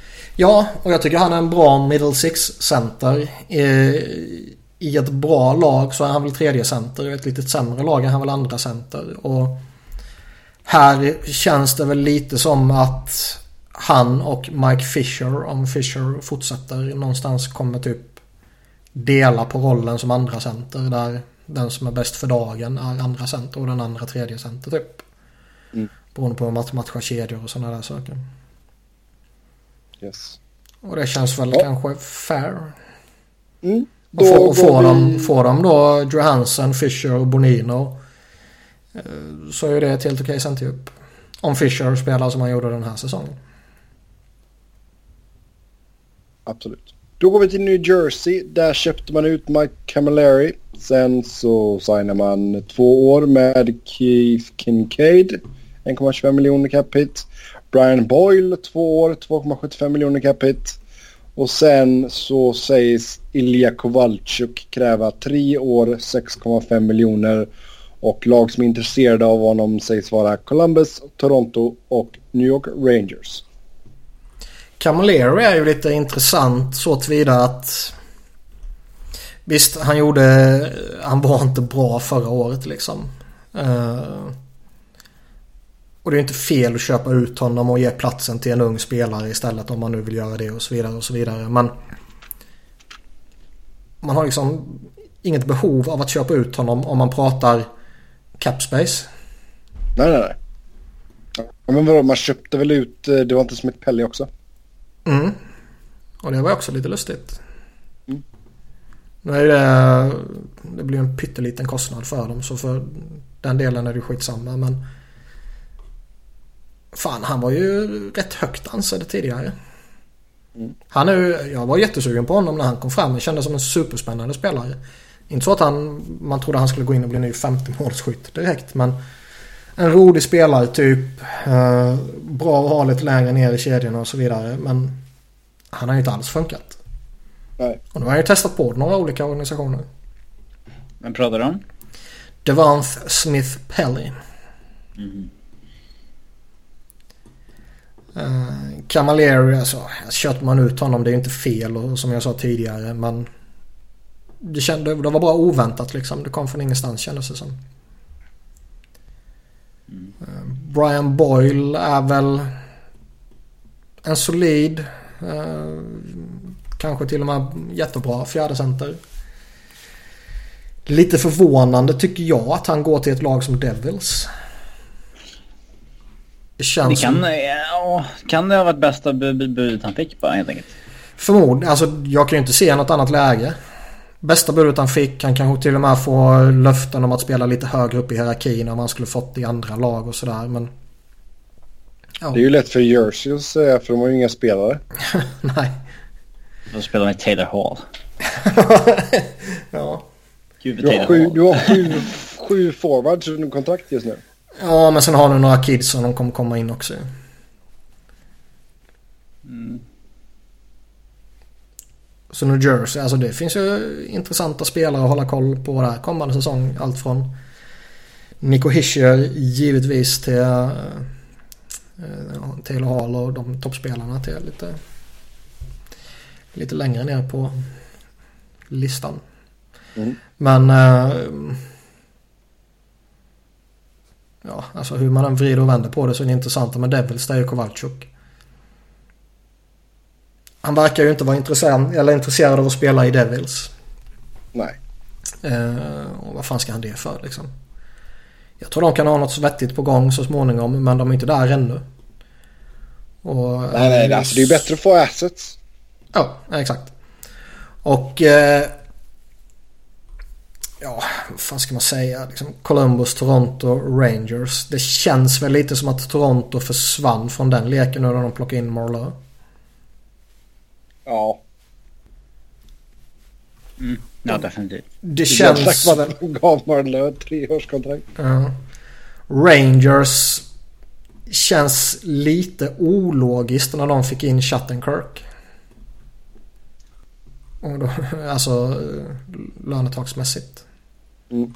De har drygt 8 miljoner kvar när de ska signa Banjer och Jesper Fast till exempel. Och ska ha in någon forward till. Då måste de dumpa iväg någon och då blir det... Ja, det, det känns liksom bara... Nej, det känns inte logiskt efter Shattenkirk. Så frågan är om det är Columbus kvar. Ja, finns det något annat? Alltså... Är Sharks intresserade nu när de tappade Marlö till exempel? Det har varit intressant med Thornton. Ja, definitivt. Sörensen på andra vingen. Island. ja. Eh, fotomodellen lämnade så. Man får säga. Ja. Aj då, var hamnade han?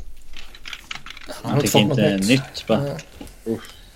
Skrev bara ett års kontrakt och hade väl tungt år i AHL. 88 procent. Så att... Eh, ja. får se. Sen går det väl... Ena dagen går det ett rykte om att nej men det finns inga vettiga bud. Kowalczyk vänder hem till KL, kör ett år till där, får spela OS och sen han UFA om ett år och då kommer han tillbaka och får välja och vraka. Och sen nästa dag så, nej KHL är inget alternativ. Han satsar helhjärtat på NHL. Mm. Um, men alltså det enda... U-svängen. Kowalczyk satsar på SHL i ett år. ja, det vore häftigt. Mm. Men det, alltså... Islanders verkar ju inte vara ett alternativ. Även om man tycker att det skulle vara spännande med han och Tavares såklart. Jo. Och tittar man på andra sådana här contenders så Caps de har ingen plats och Penguins Ja, de kanske ska sikta på andra saker istället även om de har lite space. Ja. Canadiens är säkert intresserade om Radulov går någon annanstans och signar Radulov i Montreal så kanske Dallas blir intresserad av Kowalczyk. Ja, um, men det, alltså, i, i, dagsläget så känns det som att det är Columbus som ligger närmst till om man går på rykten och spekulationer. Mm. Och det var ju häftigt ser, som vi pratade om tidigare. vad som händer, händer och fötter där. New York Islanders rykten om att förhandlingarna med John Tavares inte har börjat ännu. Nej, det är väl trist i så fall. Men... ja. Ska man säga. Eh, ja. Alltså det är som jag sa tidigare. Vad fan var det? Carol Price var det va? Ja. Det är inte så att man behöver absolut nödvändigtvis signa den här spelaren första juli. Vissa ja, lag verkar ha... Prata, ja. ja, jo givetvis. Det är ju jättelustigt om man inte har gjort det. Det borde man ha gjort för länge sedan. Men... Eh, eh,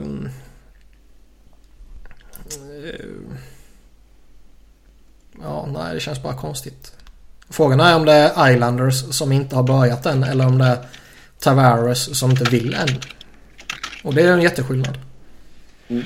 Om Islanders inte har börjat än så är det ju jävligt lustigt. Om Tavares inte har velat börja än för att han vill se vad som händer, vilken riktning tar organisationen, vad gör man under sommaren och så vidare. Det är ju rätt logiskt. Ja. Mm. Ja, vi får se när det börjar hända grejer där. Men uh, det är en spelare som man ska signa upp före man går in i camp i alla fall. Ja, New York Rangers. Ja, eller trada. Absolut, absolut. New York Rangers. Där har man signat Kevin Shattenkirk. Fyra år, 6,65 miljoner för uh, en back som vitt spridda, vitt skilda meningar. Jag förstår inte. Jag har hört alldeles för många människor säga att han är en back för ett tre, typ tredje par. Vad fan är det om liksom? Det är så lustigt. Back för ett tredje par. Han kan inte försvara. Och sen två minuter senare sitter man och hyllar Karl Altsner typ. Ja, jag, jag förstår inte. Verkligen. Uh, man signade även Brandon Smith, fyra år, 4,35 miljoner och sen Andrei Pavlic som ny backup. Ett år, 1,3 miljoner. Pavlectric. Smith tycker jag var i högsta laget. Å andra sidan får man ju Chatterkirk på ett jävligt uh, fint kontrakt. Ett riktigt bra kontrakt. Det, det, intressanta är ju snacket som uh, New York Post uh, Brooksy kom med att det är Shattenkirk själv som föreslog det här kontraktet. Okay. För att han kommer från New York och han spelar för Rangers. Nu kan man inte ta Brooksy för allt han säger för sanning givetvis. Men uh, om det är så så är det faktiskt jävligt häftigt. Mm. Mm. Pavlec på uh, ett år 1,3. Uh, är ingen bra målvakt men visst han kan väl backa upp Lundqvist en säsong. Ja men vad fan han kommer stå typ 30 matcher med, som högst liksom. Men... Ja alltså en fördel är i alla fall att det är en målvakt som mm, kan hantera många matcher om det behövs. Alltså, det är en jävla skillnad på att ha en målvakt som har erfarenhet av workload eller inte. Mm. mm. Så där, det är väl liksom ett plus i kanten för honom. Speciellt när man har en åldrande första målvakt. Uh. Chattenkirk, alltså ja. Att få han på ett så kort kontrakt är ju guld liksom. Mm. Och jag, jag, som Sebbe sa i början, jag förstår inte kritiken som finns mot honom. Visst, han gör misstag. Men alltså, det gör alla. Det är liksom, alla spelare kommer göra misstag. Sen kanske han är en spelartyp som när han gör sina misstag så står det ut tydligare liksom. Mm. men det kommer alltid vara den här då en kreativ spelare som går bort sig i positionsspelet eller som fifflar med pucken för att han försöker sig på något svårt eller något sånt där saker liksom. Och sen så är man jättenöjd med en spelare som bara tar pucken och flippar ut den sarg ut eller eh, lobbar ut den i mittzon och sådana där saker. Jag vet ju vilken spelartyp jag föredrar och det är ju den första. Och Chattenkirk är genuint jättebra. Han är ju inte bara den här powerplay-specialisten som folk verkar få honom till även om han Alltså så fem åren är det bara Erik Karlsson som gjort mer poäng än honom i, i powerplay. Och det är bara fem poäng mer. Ja. Men jag, jag håller honom jättehögt. Och eh, jag kommer ihåg vi pratade lite eh, när Blues tradade honom. Så kommer jag ihåg vi pratade lite om att ja, skulle det kanske till och med varit bättre att förlänga med honom och skicka Peter Langelo istället. Jo. Så jag tycker Shattenkirk det är liksom en supervärvning för Rangers.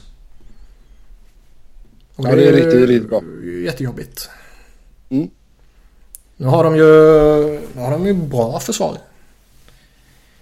Shattenkirk, Madonna och uh, Brady Skay på det. Det är ju tre riktigt bra backar. Brenda Smith. Klein sagt någonting eller? Nej, Eh, det kom ju där eh, för någon två, tre veckor sedan eller vad det var att han överväger att sluta liksom. Men jag har inte hört något mer sedan dess. Eller riva kontraktet och sticka till Europa liksom. Mm.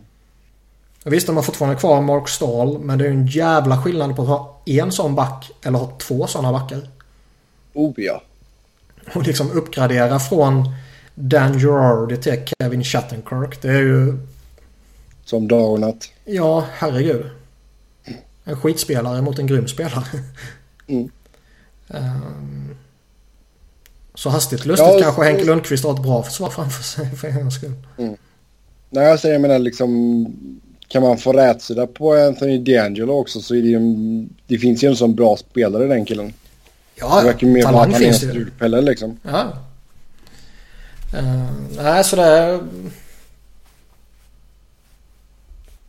Liksom förlängdes deras fönster nu också. Dumpa iväg Girardi, plocka in Shattenkirk på ett Ja, riktigt fint kontrakt. McDonough är fortfarande bra. Brady Skay kommer förmodligen bli ännu bättre. Eh, även om han är lite halvt smyggammal vid 23 års ålder liksom. Eh, Henke Lundqvist börjar vara bra i några år till tycker man. Och forwardsbesättningen är ju slagkraftig. Alltså kan, kan du få ut... Jag menar nu nästa år absolut, fönstret öppet. Sen får man väl se lite, alltså vem kommer man ersätta Nash med? Nash. Mm, nej men alltså det, det är ju lite det som är... Nej men jag menar ingen- förlängd. Nej, du ska inte hålla på för länge med honom. Varför inte? ju... Nej, nej, Det nej. beror ju på Det- vilket pris du kan få honom till. Jo, kan du få honom till en miljon så visst Det är absolut. klart du... miljon, va? Han är ju klart bättre än så. Nu är det ju... Jo, jo, men han ska inte ligga kvar på 7,8. Nej. Nej, men det är en jävla skillnad på en, en miljon eller 7,8. Det finns något emellan. ja. Ja, var med på signa för typ fyra. Men 4-5 någonting. ja. Ja. Det är inte fel. Nej. Det är väl alltså det, det enda som är eh, ett frågetecken det är ju centerbesättningen. Där man skickar Stefan och man verkar ju ha varit intresserad av Thornton och Marleau och... Mm. Eh, jag kan väl tycka att det finns ett behov av en center. Jo, Någonting trodde man skulle signas på mark, eh, första juli i alla fall. Ja. Nada. Och eh, det kan ju fortfarande ske givetvis. Någon eh, jävel kan ju fortfarande komma in. Eller så tradar man eller någonting. Men eh, ja, det funderar eller konfunderade lite. Ottawa, där skrev man ett tvåårskontrakt med Tom Pyatt, 1,1 miljon. Mike Condon fick en treårsförlängning, 2,4 miljoner. Och sen Nate Thompson, två år, 1,65 miljoner. Mm. Eh, inte Sjukt tråkiga signingar. Ja, jag tänkte säga det. Jävlar vad dra- dradiga de här var. Det, Det, det, det, det, det mest intressanta kring Ottawa är ju att man efter noggrant övervägande kom fram till att man inte skulle signa Tanner Glass. Nog, eh, Ja men det verkar ju så ju. det mest intressanta med Ottawa var ju Erik Karlssons tweet. nu har vi breaking news igen här från Friedman.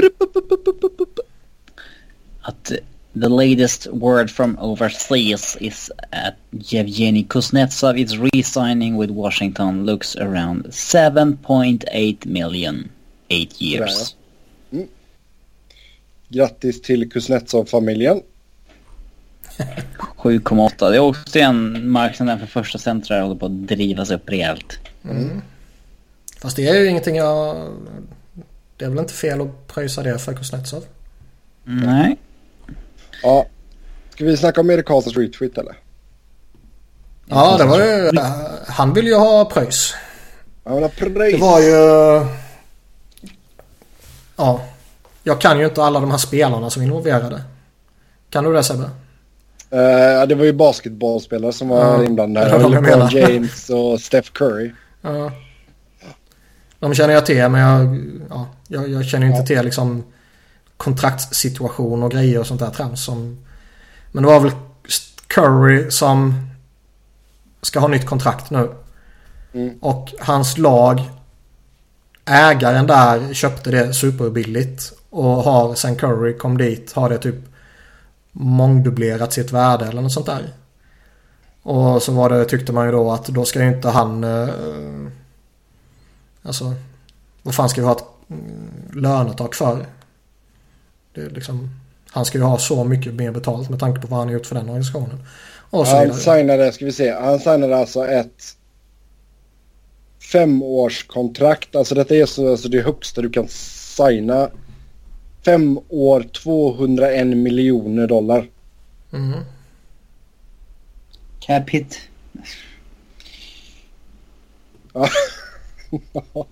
ja du. Uh, så men det, det är ju sjukt bra betalt. Ja.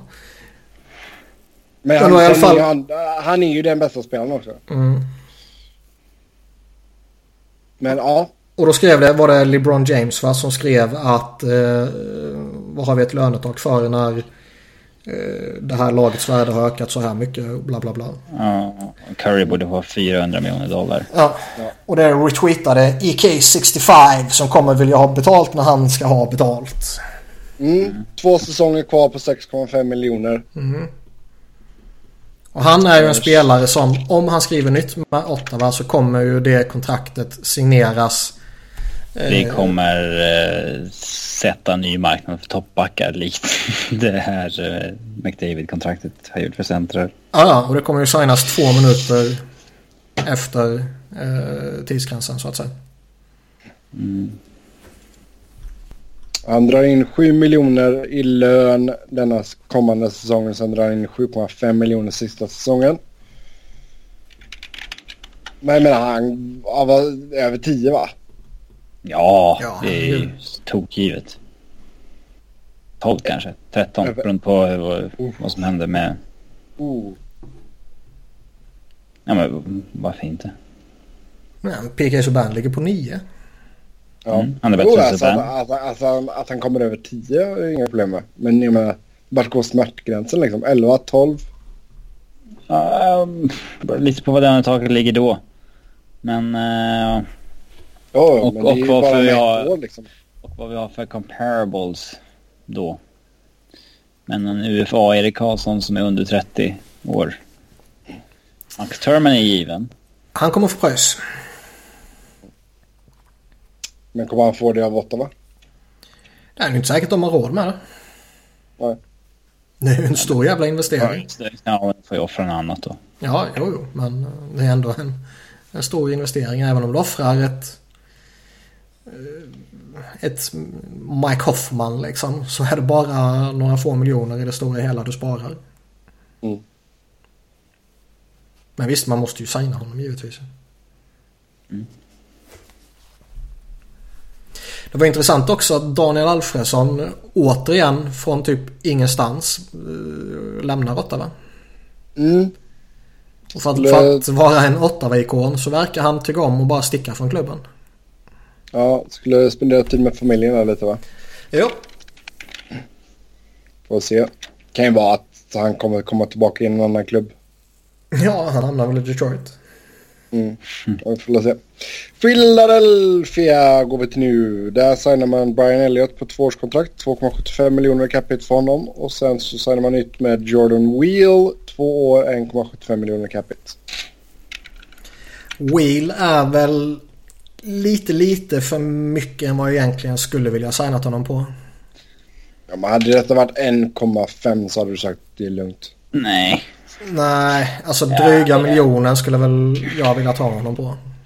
Där, men det känns lite som eh, det jag nämnde med Sven Andrighetto tidigare. Att han avslutade säsongen så jäkla starkt att det nästan liksom överhypas då. Mm.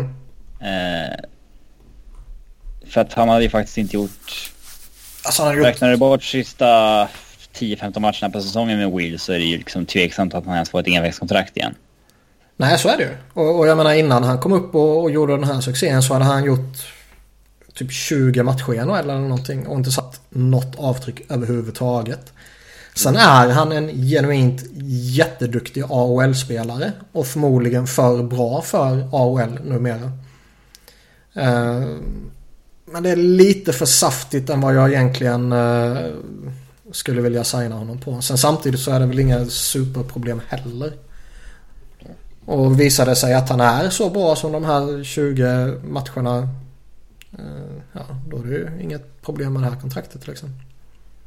Men det känns Men jag är, skept eh, jag är skeptisk Ja. till att det är så. Ja, han är, ingen- det är ingen- det är ingen 20-målsskytt det där inte. Nej, det tror jag inte.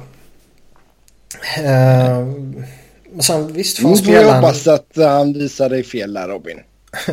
får han spela en hel säsong jämte Claude Giroux och Voracek eller Giroux och Simmons eller vad det nu kan bli så då kan han göra sina poäng givetvis. Det är ju en skicklig spelare. Oh, ja. Men som sagt li- lite för mycket vad jag egentligen skulle vara helt bekväm med. Eh, Elliot är väl bästa möjliga lösning under de förutsättningarna som fanns. Mm. Stopgap nu med uh, Neuvert och Elliot tvåårskontrakt. Ja, alltså jag skulle ju hellre haft Steve Mason. Jag tycker han är en bättre målvakt. Men... Han är eh, dyrare. Ja, han skulle ha varit lite dyrare och det verkar ju som att... eh, ja, han krävde ju bra betalt, eh, långt kontrakt och så vidare. Och eh, tyckte väl att han hade varit lite underbetald mot slutet och nu tyckte han att han skulle kompenseras för det och så skulle han få både pengar och term och så vidare i de första förhandlingarna. Mm. Och det tycker jag ju är rätt att man inte ger honom. Med tanke på vad vi har i våran pipeline på gång. Mm. Utan det vad man Ehm. behöver är ju en stopgap. Och i den rollen, med tanke på vad som fanns på marknaden nu, så är väl Brian Elliott bästa möjliga lösning. Man får Ja. honom på ett billigt tvåårskontrakt. Ja, alltså du skulle ju till och med kunna chansa på att köra Elliot och Stålart så jag hoppas att någon plockar Neuvert på waivers typ.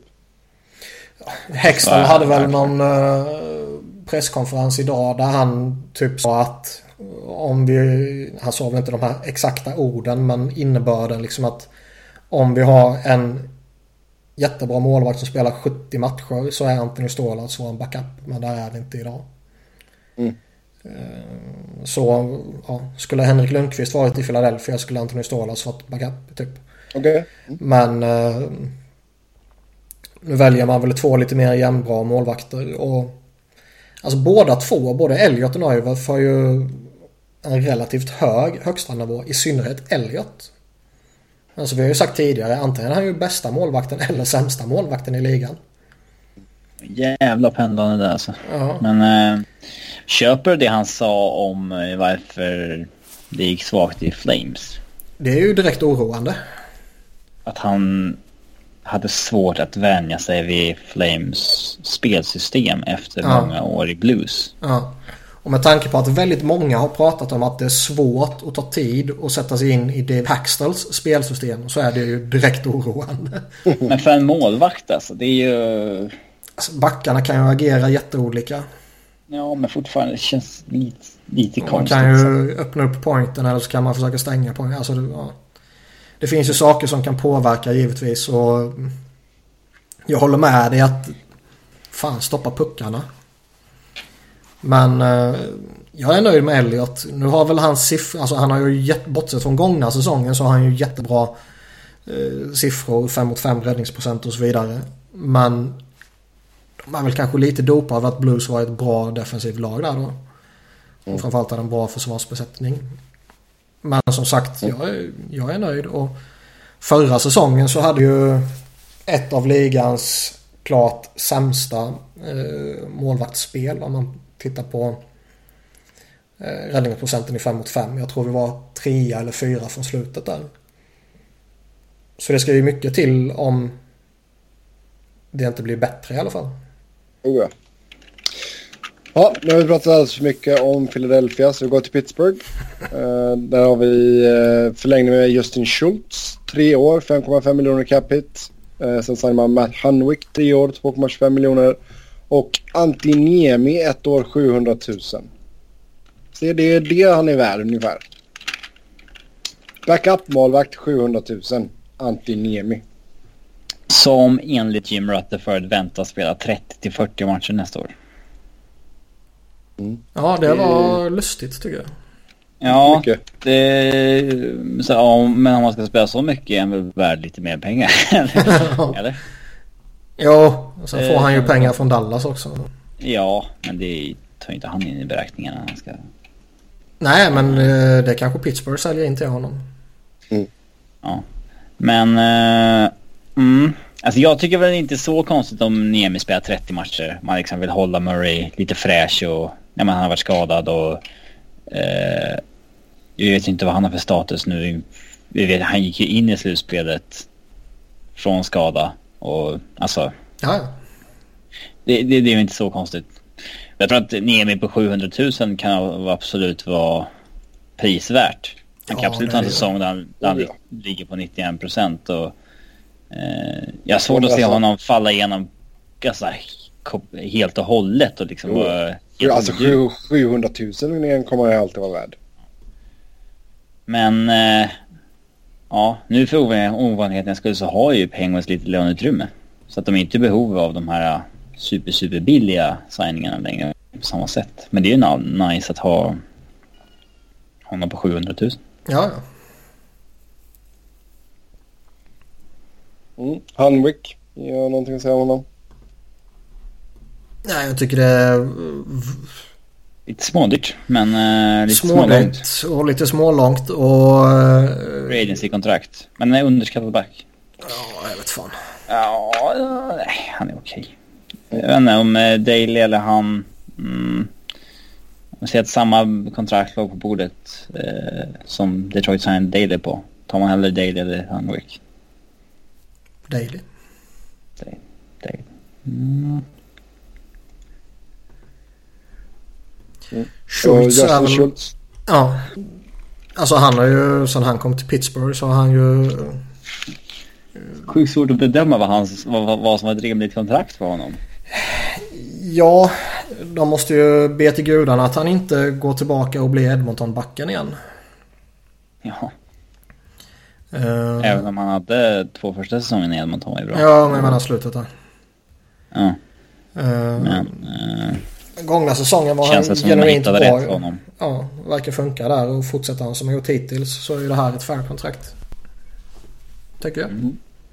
Ja, Det går ju ett rykte också om att de har en trade på gång för att få in en tredje center när de tappade Bonina. Det fanns inga roliga alternativ på free agency så går man på trade istället. Och visst, Duchene har ju typ kopplats samman med Pittsburgh men det känns ju... Du tar inte in honom som tredje center. Alltså tar du in honom så sätter du honom jämte Malkin eller Crosby. Ja, då får han leva med att han är winger resten Ja. av karriären. nog ja. Så länge Crosby och Malkin spelar. Ja, vi går vidare till San Jose. Där gjorde man några förlängningar. Mark Edouard Vlasic. 8 år, 7 miljoner capita. Martin Jones, 6 år, 5,75 miljoner capita. Och Big Joe Thornton, 1 år, 6,5 miljoner capita. UFA är då Patrik Morlö. Ja. Uh, Alltså, ja. Joe Thornton Ja, ja. är ju... Det skulle vara skoj att se han i ett annat lag. ja, trist att han blir kvar där. Ja. Men eh, Men å andra Det sidan, om det rykt... Alltså, inte, ovan, inte oväntat. nej. Men alltså det var typ Los Angeles verkar ha legat bäst till om man läser lite sådär. Ja, Det, skulle vara hemskt för helvete. ja, vad fan ska han dit göra? Nej, alltså han byter ju ner sig. Fall. inte ens Sebbe hade gillat det. Det hade Nej, bara varit fel. han har ju större chans att vinna i Sharks än i Kings givetvis. Eh, Däremot, jag, jag var faktiskt tämligen övertygad om att Rangers skulle ta honom. Om de skulle hosta upp de här två eller tre åren som han krävde och eh, ge honom första centern där liksom. Mm. Nu ska man väl tillägga i och för sig att jag tror inte det är officiellt. Men jag får det? Nej, det är inte än. det är bara eh, officiellt via Bob. Och det, borde, borde man ju kunna vara väldigt eh, trygg med. Frågan är ju vad som händer nu när Marlö signar någon annanstans. Att han skulle kovända, tror du det? Ja, alltså snacket som har gått tidigare har ju indikerat lite mot att Thornton vill vänta ut Marlö. Och de verkar ju vara bästa polare och så här liksom. Och om den ena bestämmer sig för att stanna i Sharks så kommer den andra göra det också. Och om Marlö sticker någon annanstans så sticker Thornton någon annanstans och, och sådär. Eh, så det skulle fan vara lite häftigt ändå med en kovändning nu. Man lär signa treårskontrakt i Toronto och sen har Thornton ett eh, bud från Rangers på bordet som han liksom... Nej, fuck it. Jag sticker till New York istället. Och du vet, plocka bort de två från Sharks lag så ser det hastigt och lustigt eh, klart mycket sämre ut. Oh ja. Couture och Pavelski de är ju fortfarande eh, legitimt jätteduktiga givetvis ju. Och Hertel är en bra spelare och... Ja. Sen finns det inte så mycket mer. Eh, Forwardsbesättningen då givetvis. Så det... eh, Ja. Det var ju häftigt. Ja, ska vi säga någonting om Vlasic och Jones också? Eh, Jones...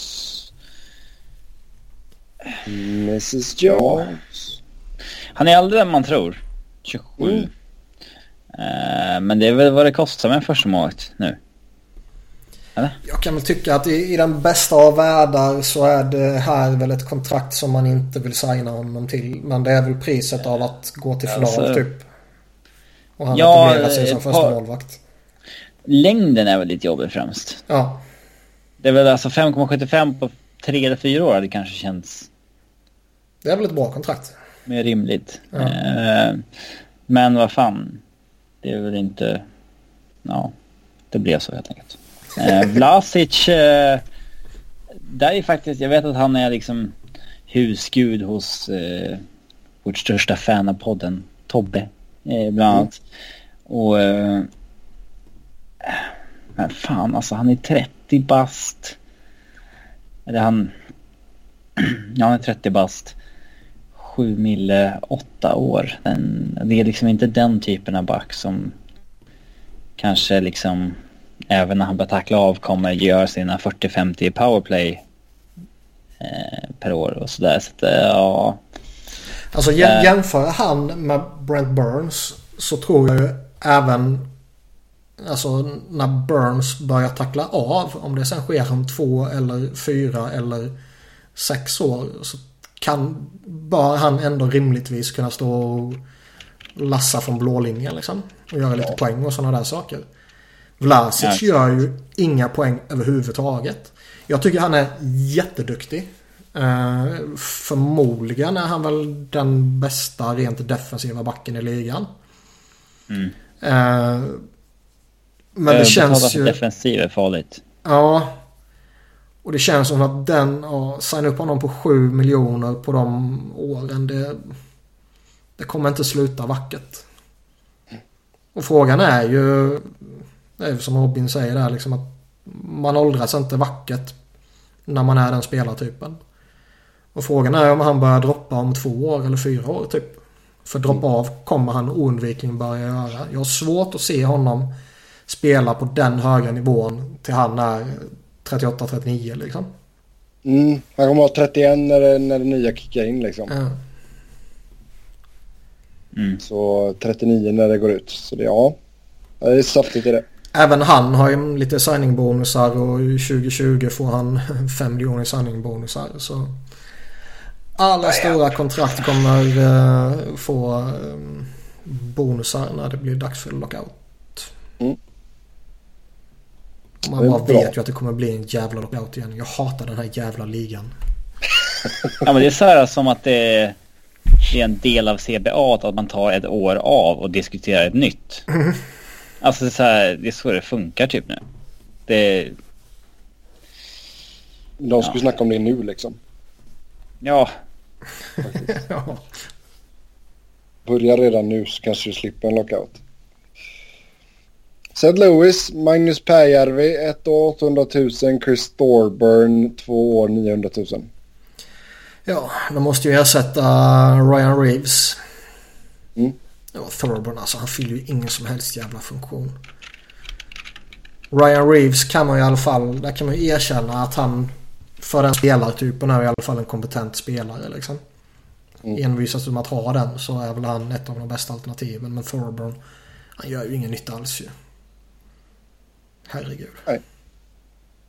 Nej. Och han får två år. Två år och mer betalt än Pääjärvi. ja, det säger väl inte så mycket i och för sig men... Bättre agent. Ja, nej, det känns bara ovärdigt. Sen hade de ju, vem fan var det som skulle missa lång tid på grund av skada? Var det Berglund? Ja. Som kom häromdagen bara. Yes. Braden Chen ska börja som center för dem. Mm. Ja, det är intressant. Tampa Bay, Chris Kunitz, ett år, 2 miljoner plus bonusar. Andrei Suster, ett år, 1,95 miljoner. Dan Girardi, två år, 3 miljoner cap hit.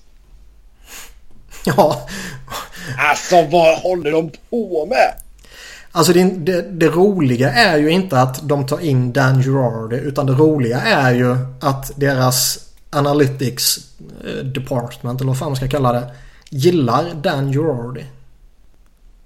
Mm. Eh, och Eller han, enligt deras Analytics Department så bidrar han med vad de letar efter. Ja, något sånt. Och något liknande sades ju i Montreal om Carl Altsner och det sades så om Saban Webber-traden också. Eh, och sen fick ju han som var ansvarig i Montreal fick ju sparken när han protesterade mot traden. Ja. Men- ja. Alltså grejen är att jag, jag tror ju att Dan Girardi, jag tror fortfarande han kan fylla någon funktion i NHL. Alltså, Jag tror det, ja. Jag, Sätt honom i ett tredje par genom begränsade minuter i en begränsad roll. Då, ja, då kan du hitta Jo, men han, sämre han är spelare liksom. fortfarande, han är ju fortfarande Men- inte värd 3 miljoner. Nej, det är det jag tänkte komma det är på. problemet där. Och signa upp honom på 3 miljoner på tvåårskontrakt är ju idioti. Det snackas ju på riktigt om att han har en stor roll. Ja, och liksom titta på vilken stor roll han ska ha. Ja, in med honom till Victor Hed typ. Ja. Så det känns... eh, ja, det, det känns lustigt. De har Strålman och så har de Girardi och så har de Suster som alla rimligtvis bör vara de tre högerbackarna. Braden Coburn. Nu såg jag ju honom givetvis klart mycket mer i Philadelphia än vad jag har sett honom i Tampa Bay. Men han var alltid klart mycket bättre på högersidan än på vänstersidan. Eh, Nu, kan jag, ju- nu tar jag inte direkt gift på att det fortfarande är så. Men eh, i Philadelphia var det så i alla fall. Och jag tycker bara, liksom signa upp Girardi på det där kontraktet. Det, ja, nej herregud. Och ska man betala för honom, fan ge honom ett ettårskontrakt då i alla fall. Ja, två år på tre mille. Den... Eh, Alltså tar den man, var, ja. Chris Kunitz är väl däremot fair. ja, ett, ett, ett årskontrakt för honom. Det är nog absolut inte dumt. Nej. Han kan säkert fylla en funktion där också. Men... Alltså Steve Meisman, han gör så galna grejer som varvas med bra eller tursamma grejer. Ja, men, ibland, det, här, det här är så här läge där man börjar tvivla på sig själv. Typ så här. Så är det jag som är... För Iceman är ju inte... Liksom han är ju... Jag tvivlar aldrig på inte mig dum i själv. huvudet. Liksom, han är bevisligen inte dum i huvudet Iceman. Ser man till vad, man, vad han har gjort med eh, Tampa. Men Nej, nej, men ändå får han sådana grejer helt plötsligt. ja. Men då, men då undrar man ju så här. Är det liksom... För en GM kollar ju förmodligen inte mest på de andra lagen i ligan liksom. Men är det några pro-scouter han har eller någonting som har liksom eh, liksom lyft in idén på ett övertygande sätt till honom? Eh, Ryan Callahan, Ryan Callahan har säkert gått i god för att Dan Gerard är en hyvens pojk också. Mm. Så att... Eh, ja. Det...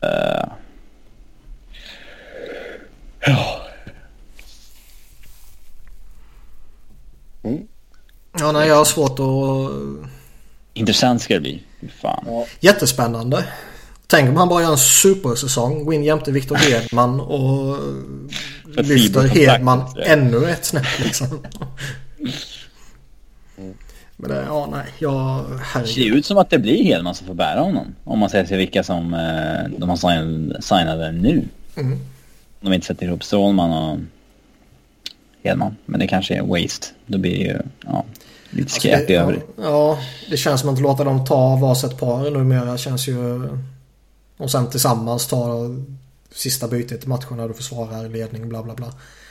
Men eh, de kanske ska ta varsitt par under vanliga förutsättningar. Ja, då går vi till eh, Toronto. Där uh, tvåårskontrakt för Garrett Sparks 675 000. Curtis McElhaney två år 850 000. Ron Hainsey kommer in på ett tvåårskontrakt 3 miljoner capita och Dominic Moore ett år en miljon. Drog du till Ja. Marlö också? Jag satt inte och lyssnade så noga på det. Ja, ja, och så Marlö. Det, det breakade vi förut. Ja. Ja, eh, Treårskontrakt. McGill, Curtis McGill 850 är väl inte så farligt. Men att han får term det är väl eh, jävligt konstigt tycker jag. Uh, Hainsey betalar med extra för att han har en färsk Stanley Cup-ring. Det känns också kanske lite uh, överilat. Mm.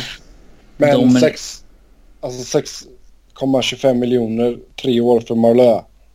Ja, det är också dumt. Uh, Dominic Moore... Jag håller väl ett år till kanske. Jag, ja. Sveper förbi Marlö för att börja prata Dominic Moore. Ja, men det, jag tar, går väl igenom all, alla de andra små grejerna först. Inte lämna en små grej till sist. Skit i smågrejerna bara och så går du direkt på den stora kakan. Det är ju, om man ska säga något med Dominic Moore så är det väl någonstans häftigt och eh, typ respektingivande på något sätt att han lyckas anka sig kvar i ligan hela tiden. Mm. Och jag tycker inte han är dålig. Det, det kanske lät som det i och för sig. Eh, utan han gör väl helt okej i den rollen. Men liksom, ja, Ron ja, jag håller med vad Robin sa där. Men Malou är ju det klart mest, eller mest, enda intressanta. Mm. Och eh, får ju tunga signing-bonusar han också. 7 miljoner signing-bonus första året, 4,5 andra, tre, tredje året. Ja. Eh, alltså cap hit på drygt 6 miljoner. Det är väl eh, inte så konstigt att han får det. Nej. Term är ju jävligt lurigt dock. Oh ja. Det ska sägas i och för sig att Patrick Malö senaste gången han missade en match i grundserien var 2009. Eller kanske Men- 2008. Det var säsongen 8-9. Ja, han har väl ingen skadeproblematik, men... Alltså men... Nej det är klart han har ju droppat av. Han är ju inte den som gör point per game längre som han gjorde tidigare. Utan nu är han väl 45-50 poäng där han har legat de två senaste åren. Och gör runt 25 mål.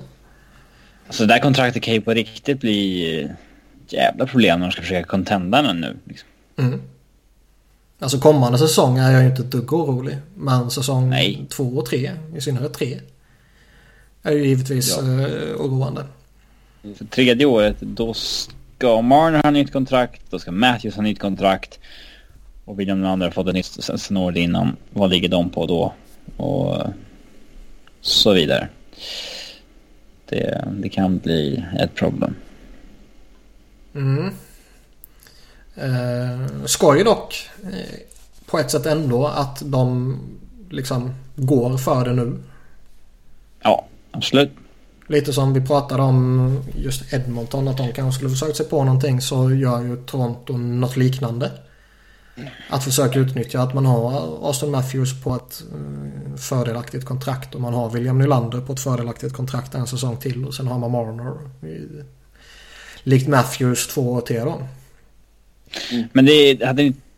Ja, nu var det väl det tredje året som följde avgörandet för Marlowe. Men Mm. hade, det, hade det inte varit så här mer logiskt då att liksom så här... Ge han två år på typ nio? Jo. Så att det går ut när Matthews och Marner ska ha nya kontrakt. Jo, exakt. Men det Definitivt. kanske inte alls var aktuellt, vet man inte.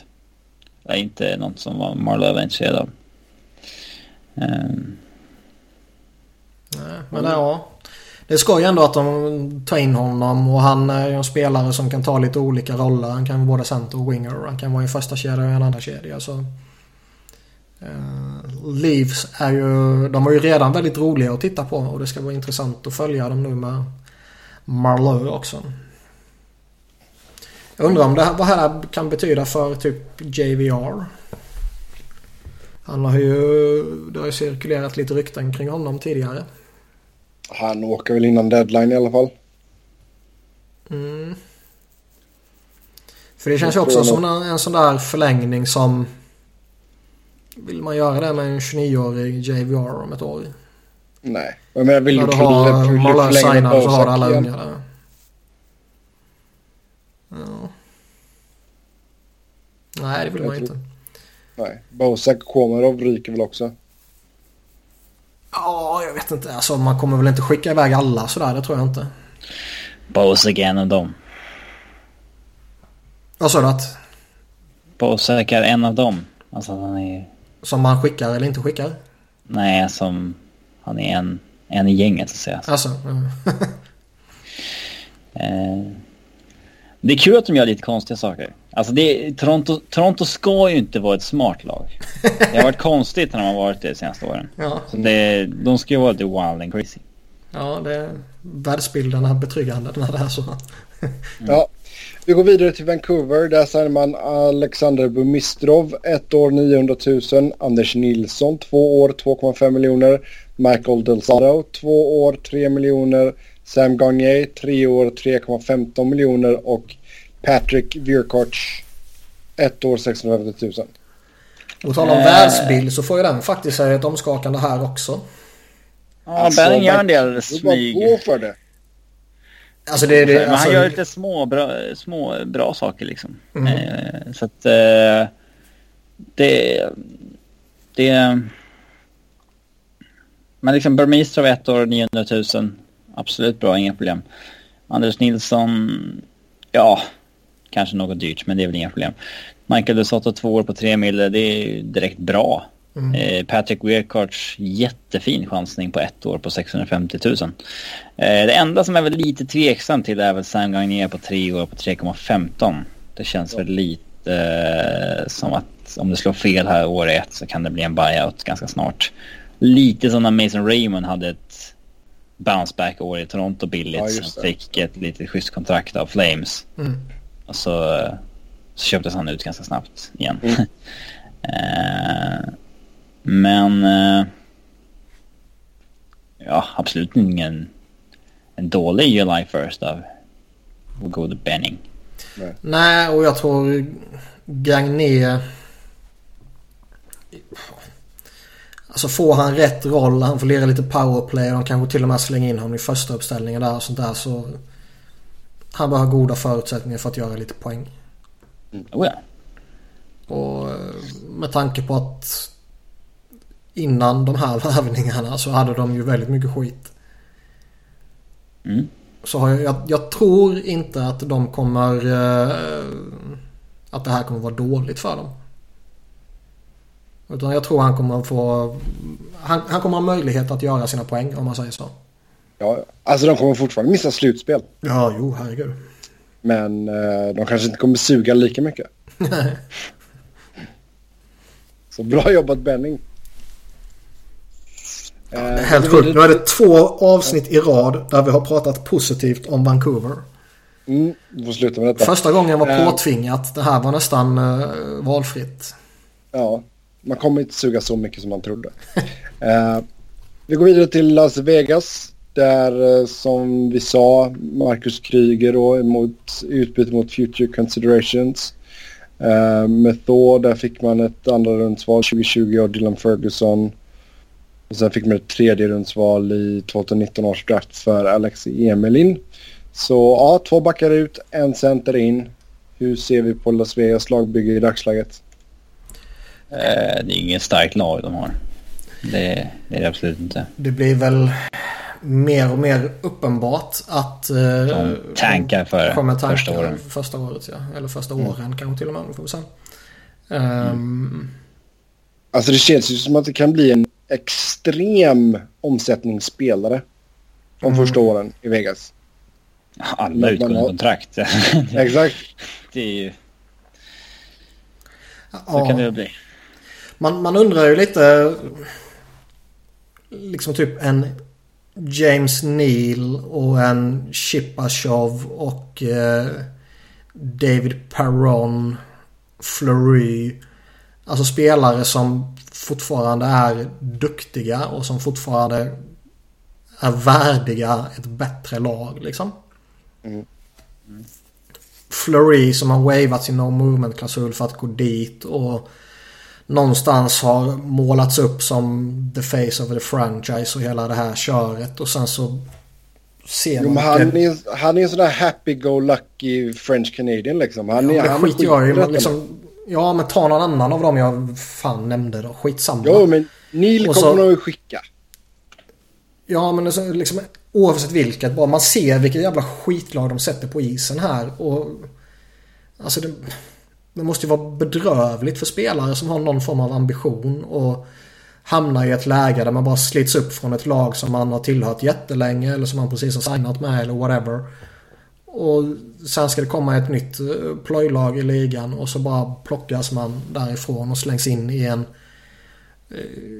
i ett skitlag med skitförutsättningar och som liksom jättetydligt går för att tanka. Jo. Det måste ju vara skittråkigt ju. Jo, men du, du spelar ju för att du ska bli tradad typ. Ja, och det är väl okej om du är som typ David Perron. Du har ett ettårskontrakt bara. Men Chipachov som signade två år var liksom... Vad fick han för... eh, Liksom... Inte löften Vad han fick för kanske. sales men- pitch, ja. ja. vad fick han för sales pitch där när han signade för dem? Och var det här vad han var redo att gå in och göra? Han ville bara lira i NHL och få lite pröjs liksom. Och signade där han fick mest. Eller... Eh, liksom blev han... Sålde de in att de ska vara slagkraftiga direkt. Och sen blir det så här. Eh, jag håller ju med dig i det du säger om James Neal. Det, han borde verkligen bli tradad. Och jag tror han kommer bli tradad. För han är en liten för bra tillgång för Vegas att sitta på nu när de bevisligen vill vara så dåliga som möjligt. Ehm, Men det, det kan ju vara en kille man väntar med framåt deadline också. Definitivt. Och han kanske till och med är mer värdefull för dem då än nu. Men att han kommer tradas det är jag helt övertygad om. Och som Mm. sagt spe, spela drygt halva säsongen där. Ja, det är väl inte hela jävla världen. Men... Eh, Cody Eakin liksom. Han var i sig kass i Dallas men han, där har de något spännande på gång. Och han har term och sen hamnar han i Vegas. Och kommer få spela med typ Bellamare och Teemu Pulkkinen eller någonting. Mm. Äh, Ja. fy fan. Washington då. Brett Connolly 2 år 1,5 miljoner och Dmitri Orlov 6 år 5,1 miljoner. Och Kuznetsov. Och Kuznetsov. Och nu är alla helt förbryllade över hur fan de ska lösa sin cap-situation. De har 4,6 miljoner. Och har 9, nej 1, 2, 3, 4, 5, 6, 7, 8. Jo 9 forwards och 5 backar och en målvakt signade. Och då har de Burakovsky och Grubauer på RFA-status. Vem offrar du? I, en- perfekt värld, Brooks Orpik. Ja. Men, eh, eh, ja du. Det känns Mojo väl som kanske. att eh, Mojo eller Lars Eller kommer nog försvinna. Så får de några miljoner där. Mm. Eller är väl den som man enklast kan undvara såklart. Men eh, Mojo är väl den man får mest betalt för. Av de två då givetvis. De måste ha spelat tillbaks också. Alltså det...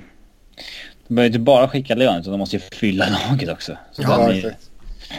den är... eh, De kan få två rosterspelare för uh, Mojo. Ja, det bör man kunna få. Ja men de måste man fortfarande... eh, Billiga. Ja, de måste vara billiga som fan. Eh, men Kuznetsov det är ju... Det är en fair deal för honom tycker jag. Mm, 7,8 miljoner.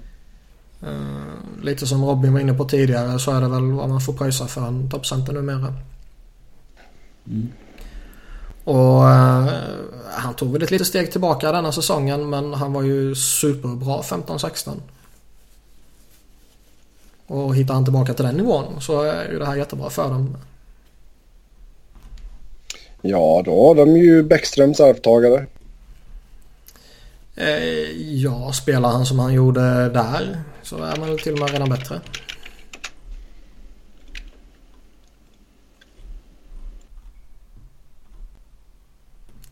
Men det, ja, nej, det ska bli intressant att se hur de löser sin situation. För alltså 4,5 miljoner. Det är väl inte orimligt att Burakovsky nästan ska ha det själv. Men det får han inte. Nej, det tror jag inte han kommer få. Men jag sa att det är väl nästan inte orimligt att han ska ha det själv. När man tittar på lite vad de andra har sådär. Så det blir spännande att se vad som händer. Det känns mm. som att uh, en trade kommer ske. Oh ja. Orlov uh, nämnde vi alla. Ja, 5,1 miljoner sex år. Tycker fan den är högsta laget också. Jag skulle väl inte kalla den dålig. Men... Nej, men eh, högsta laget. Ja. I allra högsta laget. Ja. Uh, han behöver väl ta ett litet steg till typ. Och det tror jag han kan göra. Men uh, de har också John Carlson kvar att signa som blir UFA om ett år. Mm. Och det skulle väl inte förvåna om det blir klart denna sommaren. Nej. Och han kommer ju rimligtvis bli dyr. Absolut. Så det, ja nej. Intressant att följa Caps. Absolut, absolut. Eh, vi går till Winnipeg. Där köpte man ut Mark Stewart och sen så signade man Steve Mason, två år, 4,1 miljoner och Dmitri Kulikov, tre år, 4,33 miljoner. Eh, ja, Kulikov drog ju några sköna citat att eh, Buffalo höll tillbaka honom och sådär typ. Eh, och han var väl typ genuint dålig hos dem. Så det var väl... Mm. man får ju ta typ. I grunden tycker jag det är en vettig försvarare ändå. Han borde vara bättre än vad han var mot slutet i Florida och säsongen i Buffalo. Han gjorde liksom fem poäng på 47 matcher bara. Fem poäng. Ja. Jag kan typ göra mer än fem poäng om jag går in hela. Det är eh, noterbart lite. Men att få in Mason eh, bredvid Helleback tror jag är bra. Ja, det är en uppgradering. Uh, Steve Mason är en jätteduktig målvakt. Han hade problem denna säsongen men Alltså han, jag har ju pratat om det tusen gånger men han har ju behandlat så lustigt i, i Flyers. Så de har behandlat målvaktssituationer så lustigt där de de väljer en och sen kör de honom i botten och sen när han har kraschat fullständigt så kör de vidare på den andra målvakten och sen blir han skadad och sen måste de slänga in en sönderkörd målvakt typ. Mm. Uh, I synnerhet sista säsongen var det jävligt lustigt. Men för, för den... För på det kontraktet är Steve Mason en jättebra värvning. Och för det kontraktet skulle jag gärna tagit honom i, i Philly. Nu var ju det förmodligen aldrig aktuellt i Flyers utan jag tror att Steve Mason, likt andra målvakter tidigare än honom, budade bort sig själv. Mm. Han gick in på höga krav, både term och pengar och eh, fick inte det någonstans och är tvungen att välja ett kort och bill eller kortare och billigare kontrakt i eh, ja, ett läge där det är inte helt omöjligt att han blir andra målvakt. Nej. Sannolikt kommer han spela majoriteten av matcherna i framförallt första året men Conor Hellback kan ju, alltså det är väl ingen som egentligen blir förvånad om han skulle vara skitbra denna säsongen. Nej, absolut inte. Så det. Um, nej, men det är, det är en bra värvning för Winnipeg. Eh, oavsett om Helleback breakar och blir första målvakt eller om Mason eh, kör på i en eller två säsonger som första målvakt så är det en bra värvning. Eh, Kulikov tycker jag också är en bra värvning för dem. Det ger bra djup och han bör vara bättre än han var som sagt. Eh, så det var väl en bra free agency för dem. Mm. Då tar vi och hoppar in på lyssnarfrågorna. Som vanligt tack till er som har skrivit in till oss. Först ut. Vilken duo tror ni är minst värdigast sina kontrakt säsongen 21-22? Webber Alsner eller Burns Vlasic? Webber Alsner alla dagar i veckan. Ja, eh, tycker jag känns tämligen givet. Jag tror ju som vi var inne på tidigare, Burns.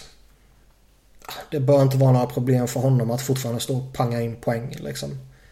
Det kanske det inte är för Webber heller. Men det känns inte lika självklart. Mm. Och Alsner eller Vlasic.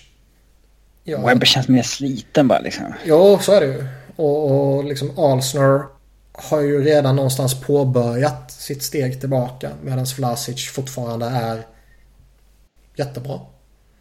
Men Alsners steg tillbaka kanske är väldigt utdraget, går väldigt långsamt över flera år. Medan Vlasic kanske är skitbra i tre år till och sen bara droppar han av fullkomligt. Mm.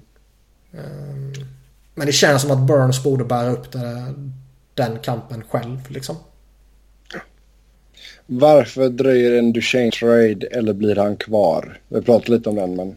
Varför? För att äh, begär ordentligt. Mm. Men du tror inte att han kommer bli kvar? Nej. Nej. Har Jagger gjort sin sista säsong i NHL eller tror ni att han får nytt kontrakt? Vad tror slash hoppas ni att Jagger signar? Vad är han värd i lön för ett år? Fyra miljoner blankt kanske. Mm. Känns som att han absolut spelar i NHL kommande år. Mm. Ja. Vegas hoppas jag att han signar. Nej. Känns som sista året. Eh, man vill se Jagr i ett riktigt lag. Los Angeles. Nej, man det vill se Jagr i ett riktigt lag. Många vill ju se Saga-slutet i Pittsburgh också, men det känns inte naturligt. Visst pratade vi om just det förra veckan? Jag minns inte. Men... Uh... Jag för mig det. Mm. Just Jagr Pittsburgh, eller vad fan. Ja, skitsamma. Men man vill ju ändå se honom i ett lag som i alla fall har någon form av möjlighet att ta sig till ett slutspel och kanske göra någonting i ett slutspel framförallt. Uh, en sån där spelare som Sharks kanske hastigt lustigt blir sugna på när de tappar där. Mm. De behöver väl ändå pytsa in någon puck till efter att ha tappat honom och varför inte ta en chansning på Jagr då. Uh,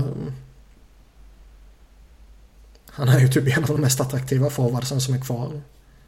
Ja. Förutom Radulov då. Mm. Jag, jag, jag, tror Vegas ligger bra till men man vill fan se han i ett riktigt lag. Ja. Men att han spelar i NHL om han själv vill, det är jag helt övertygad om. Mm. Eh, vad händer med Mike Ribeiro?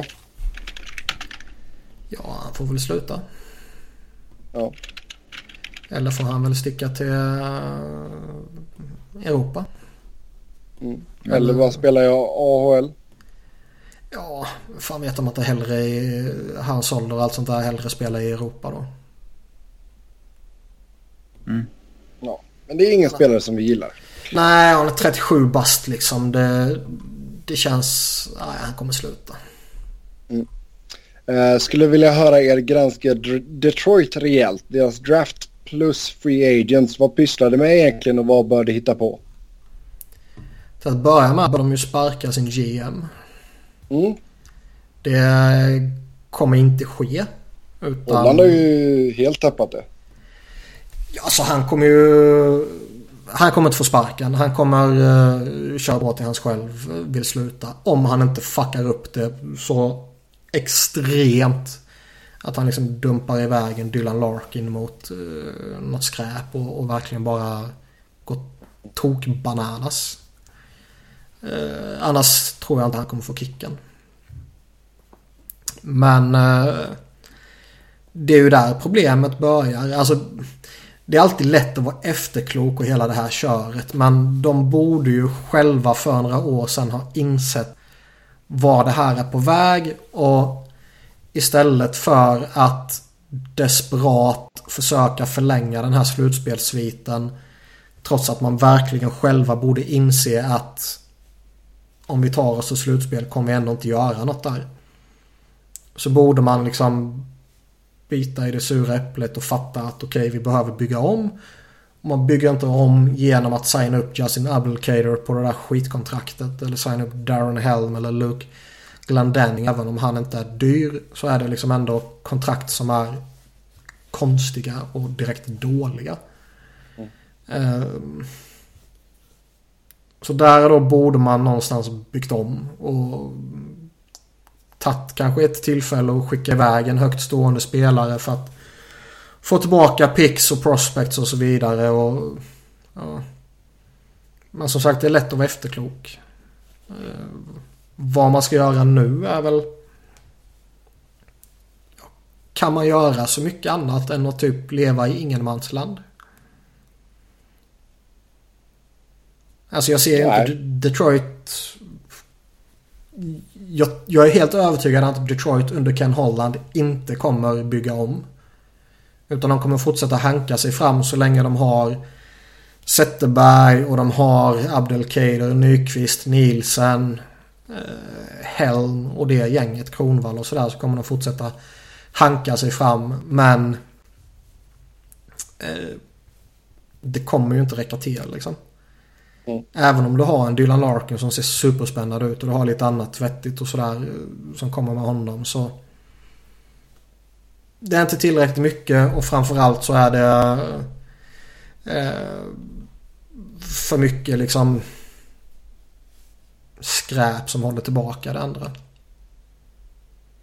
Draften gick vi igenom förra avsnittet men ska man ta den lite snabbt så var det ju lustiga val man gjorde. Eh, man var ju i ett läge där man kunde ta Villard var det va? Som gick till mm. LA. Eh, ja. Som var typ topp, eller tippad topp 5 eller någonting inför. Föll jättelångt ner. Man nobbar honom och tar Mikael Rasmussen. Eller Michael Rasmussen. Han är ju kanadensare. Istället som är så här genuint ifrågasatt. Han gör inga poäng i 5 mot 5. Han bara stor och stark och gör poäng i powerplay. Och ja. Även om han var rankad kring tionde platsen så var det så är han starkt ifrågasatt på många håll. Mm. Och eh, när man sen då eh, fortsätter med nästa val, Gustav Lindström. Med 38 valet tar en spelare som på, liksom, som högst är rankad 85 Så ja, det får ju inte draften att se bättre ut som sagt. Nej.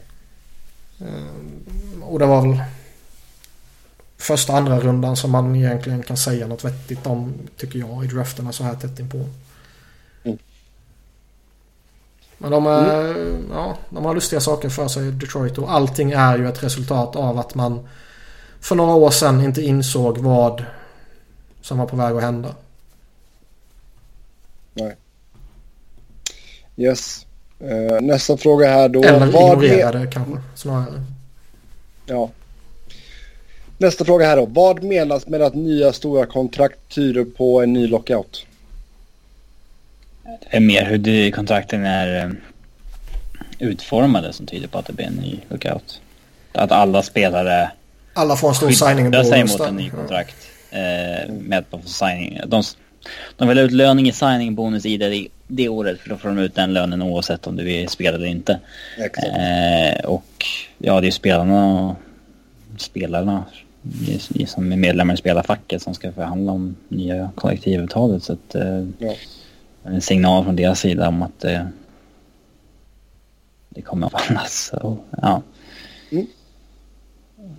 Sen så fort, det, så fort man hittar eh, kryphål i kontrakten och liksom sätt att göra saker på så kommer ena sidan vilja plugga igen dem och eh, varje ny grej tyder på att ny lockout hela tiden. Ja. Mm.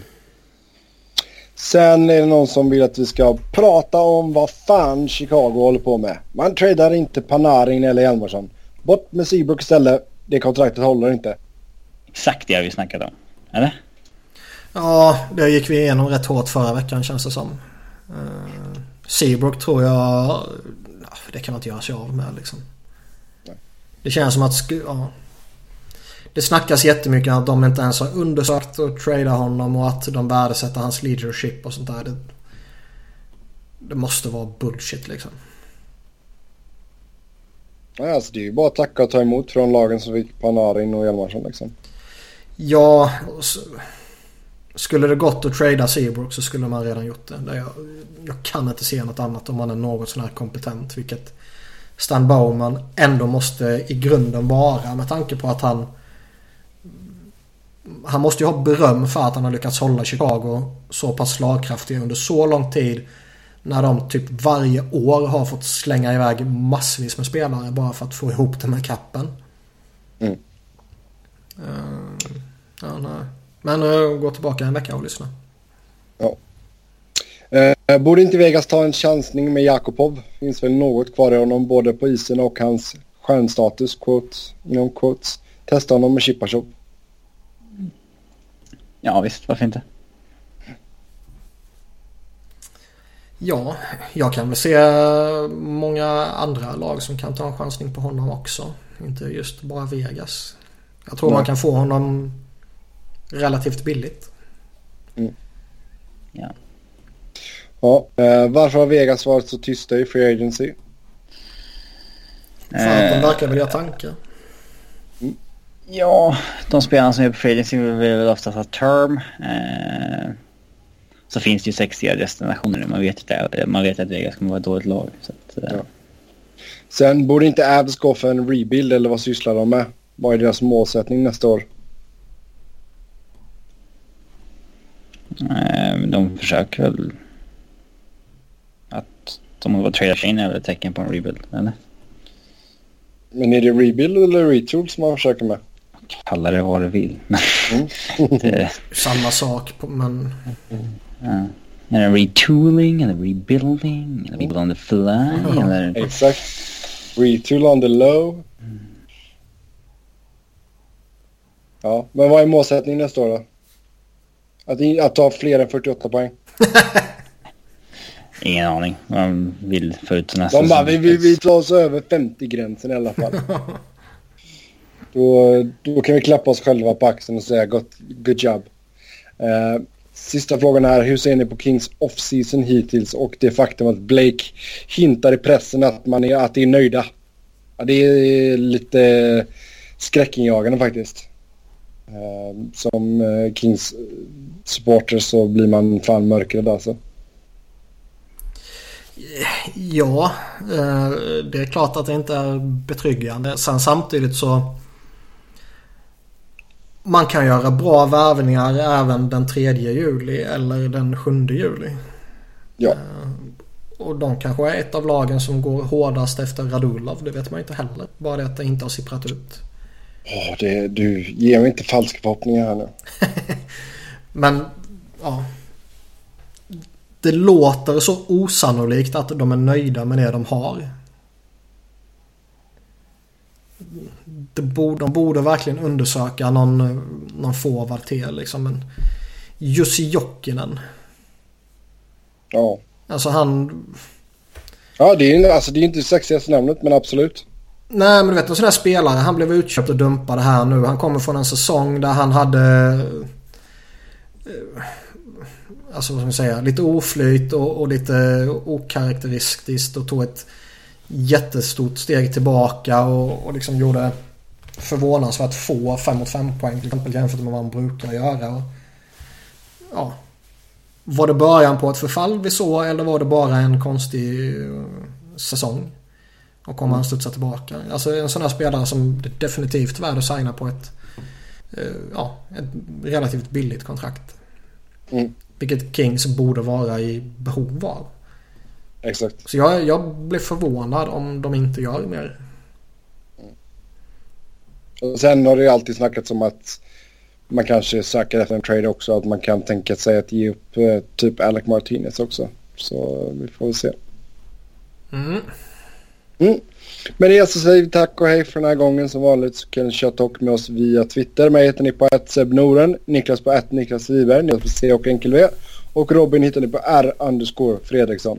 Tills nästa gång, ha det gött, hej!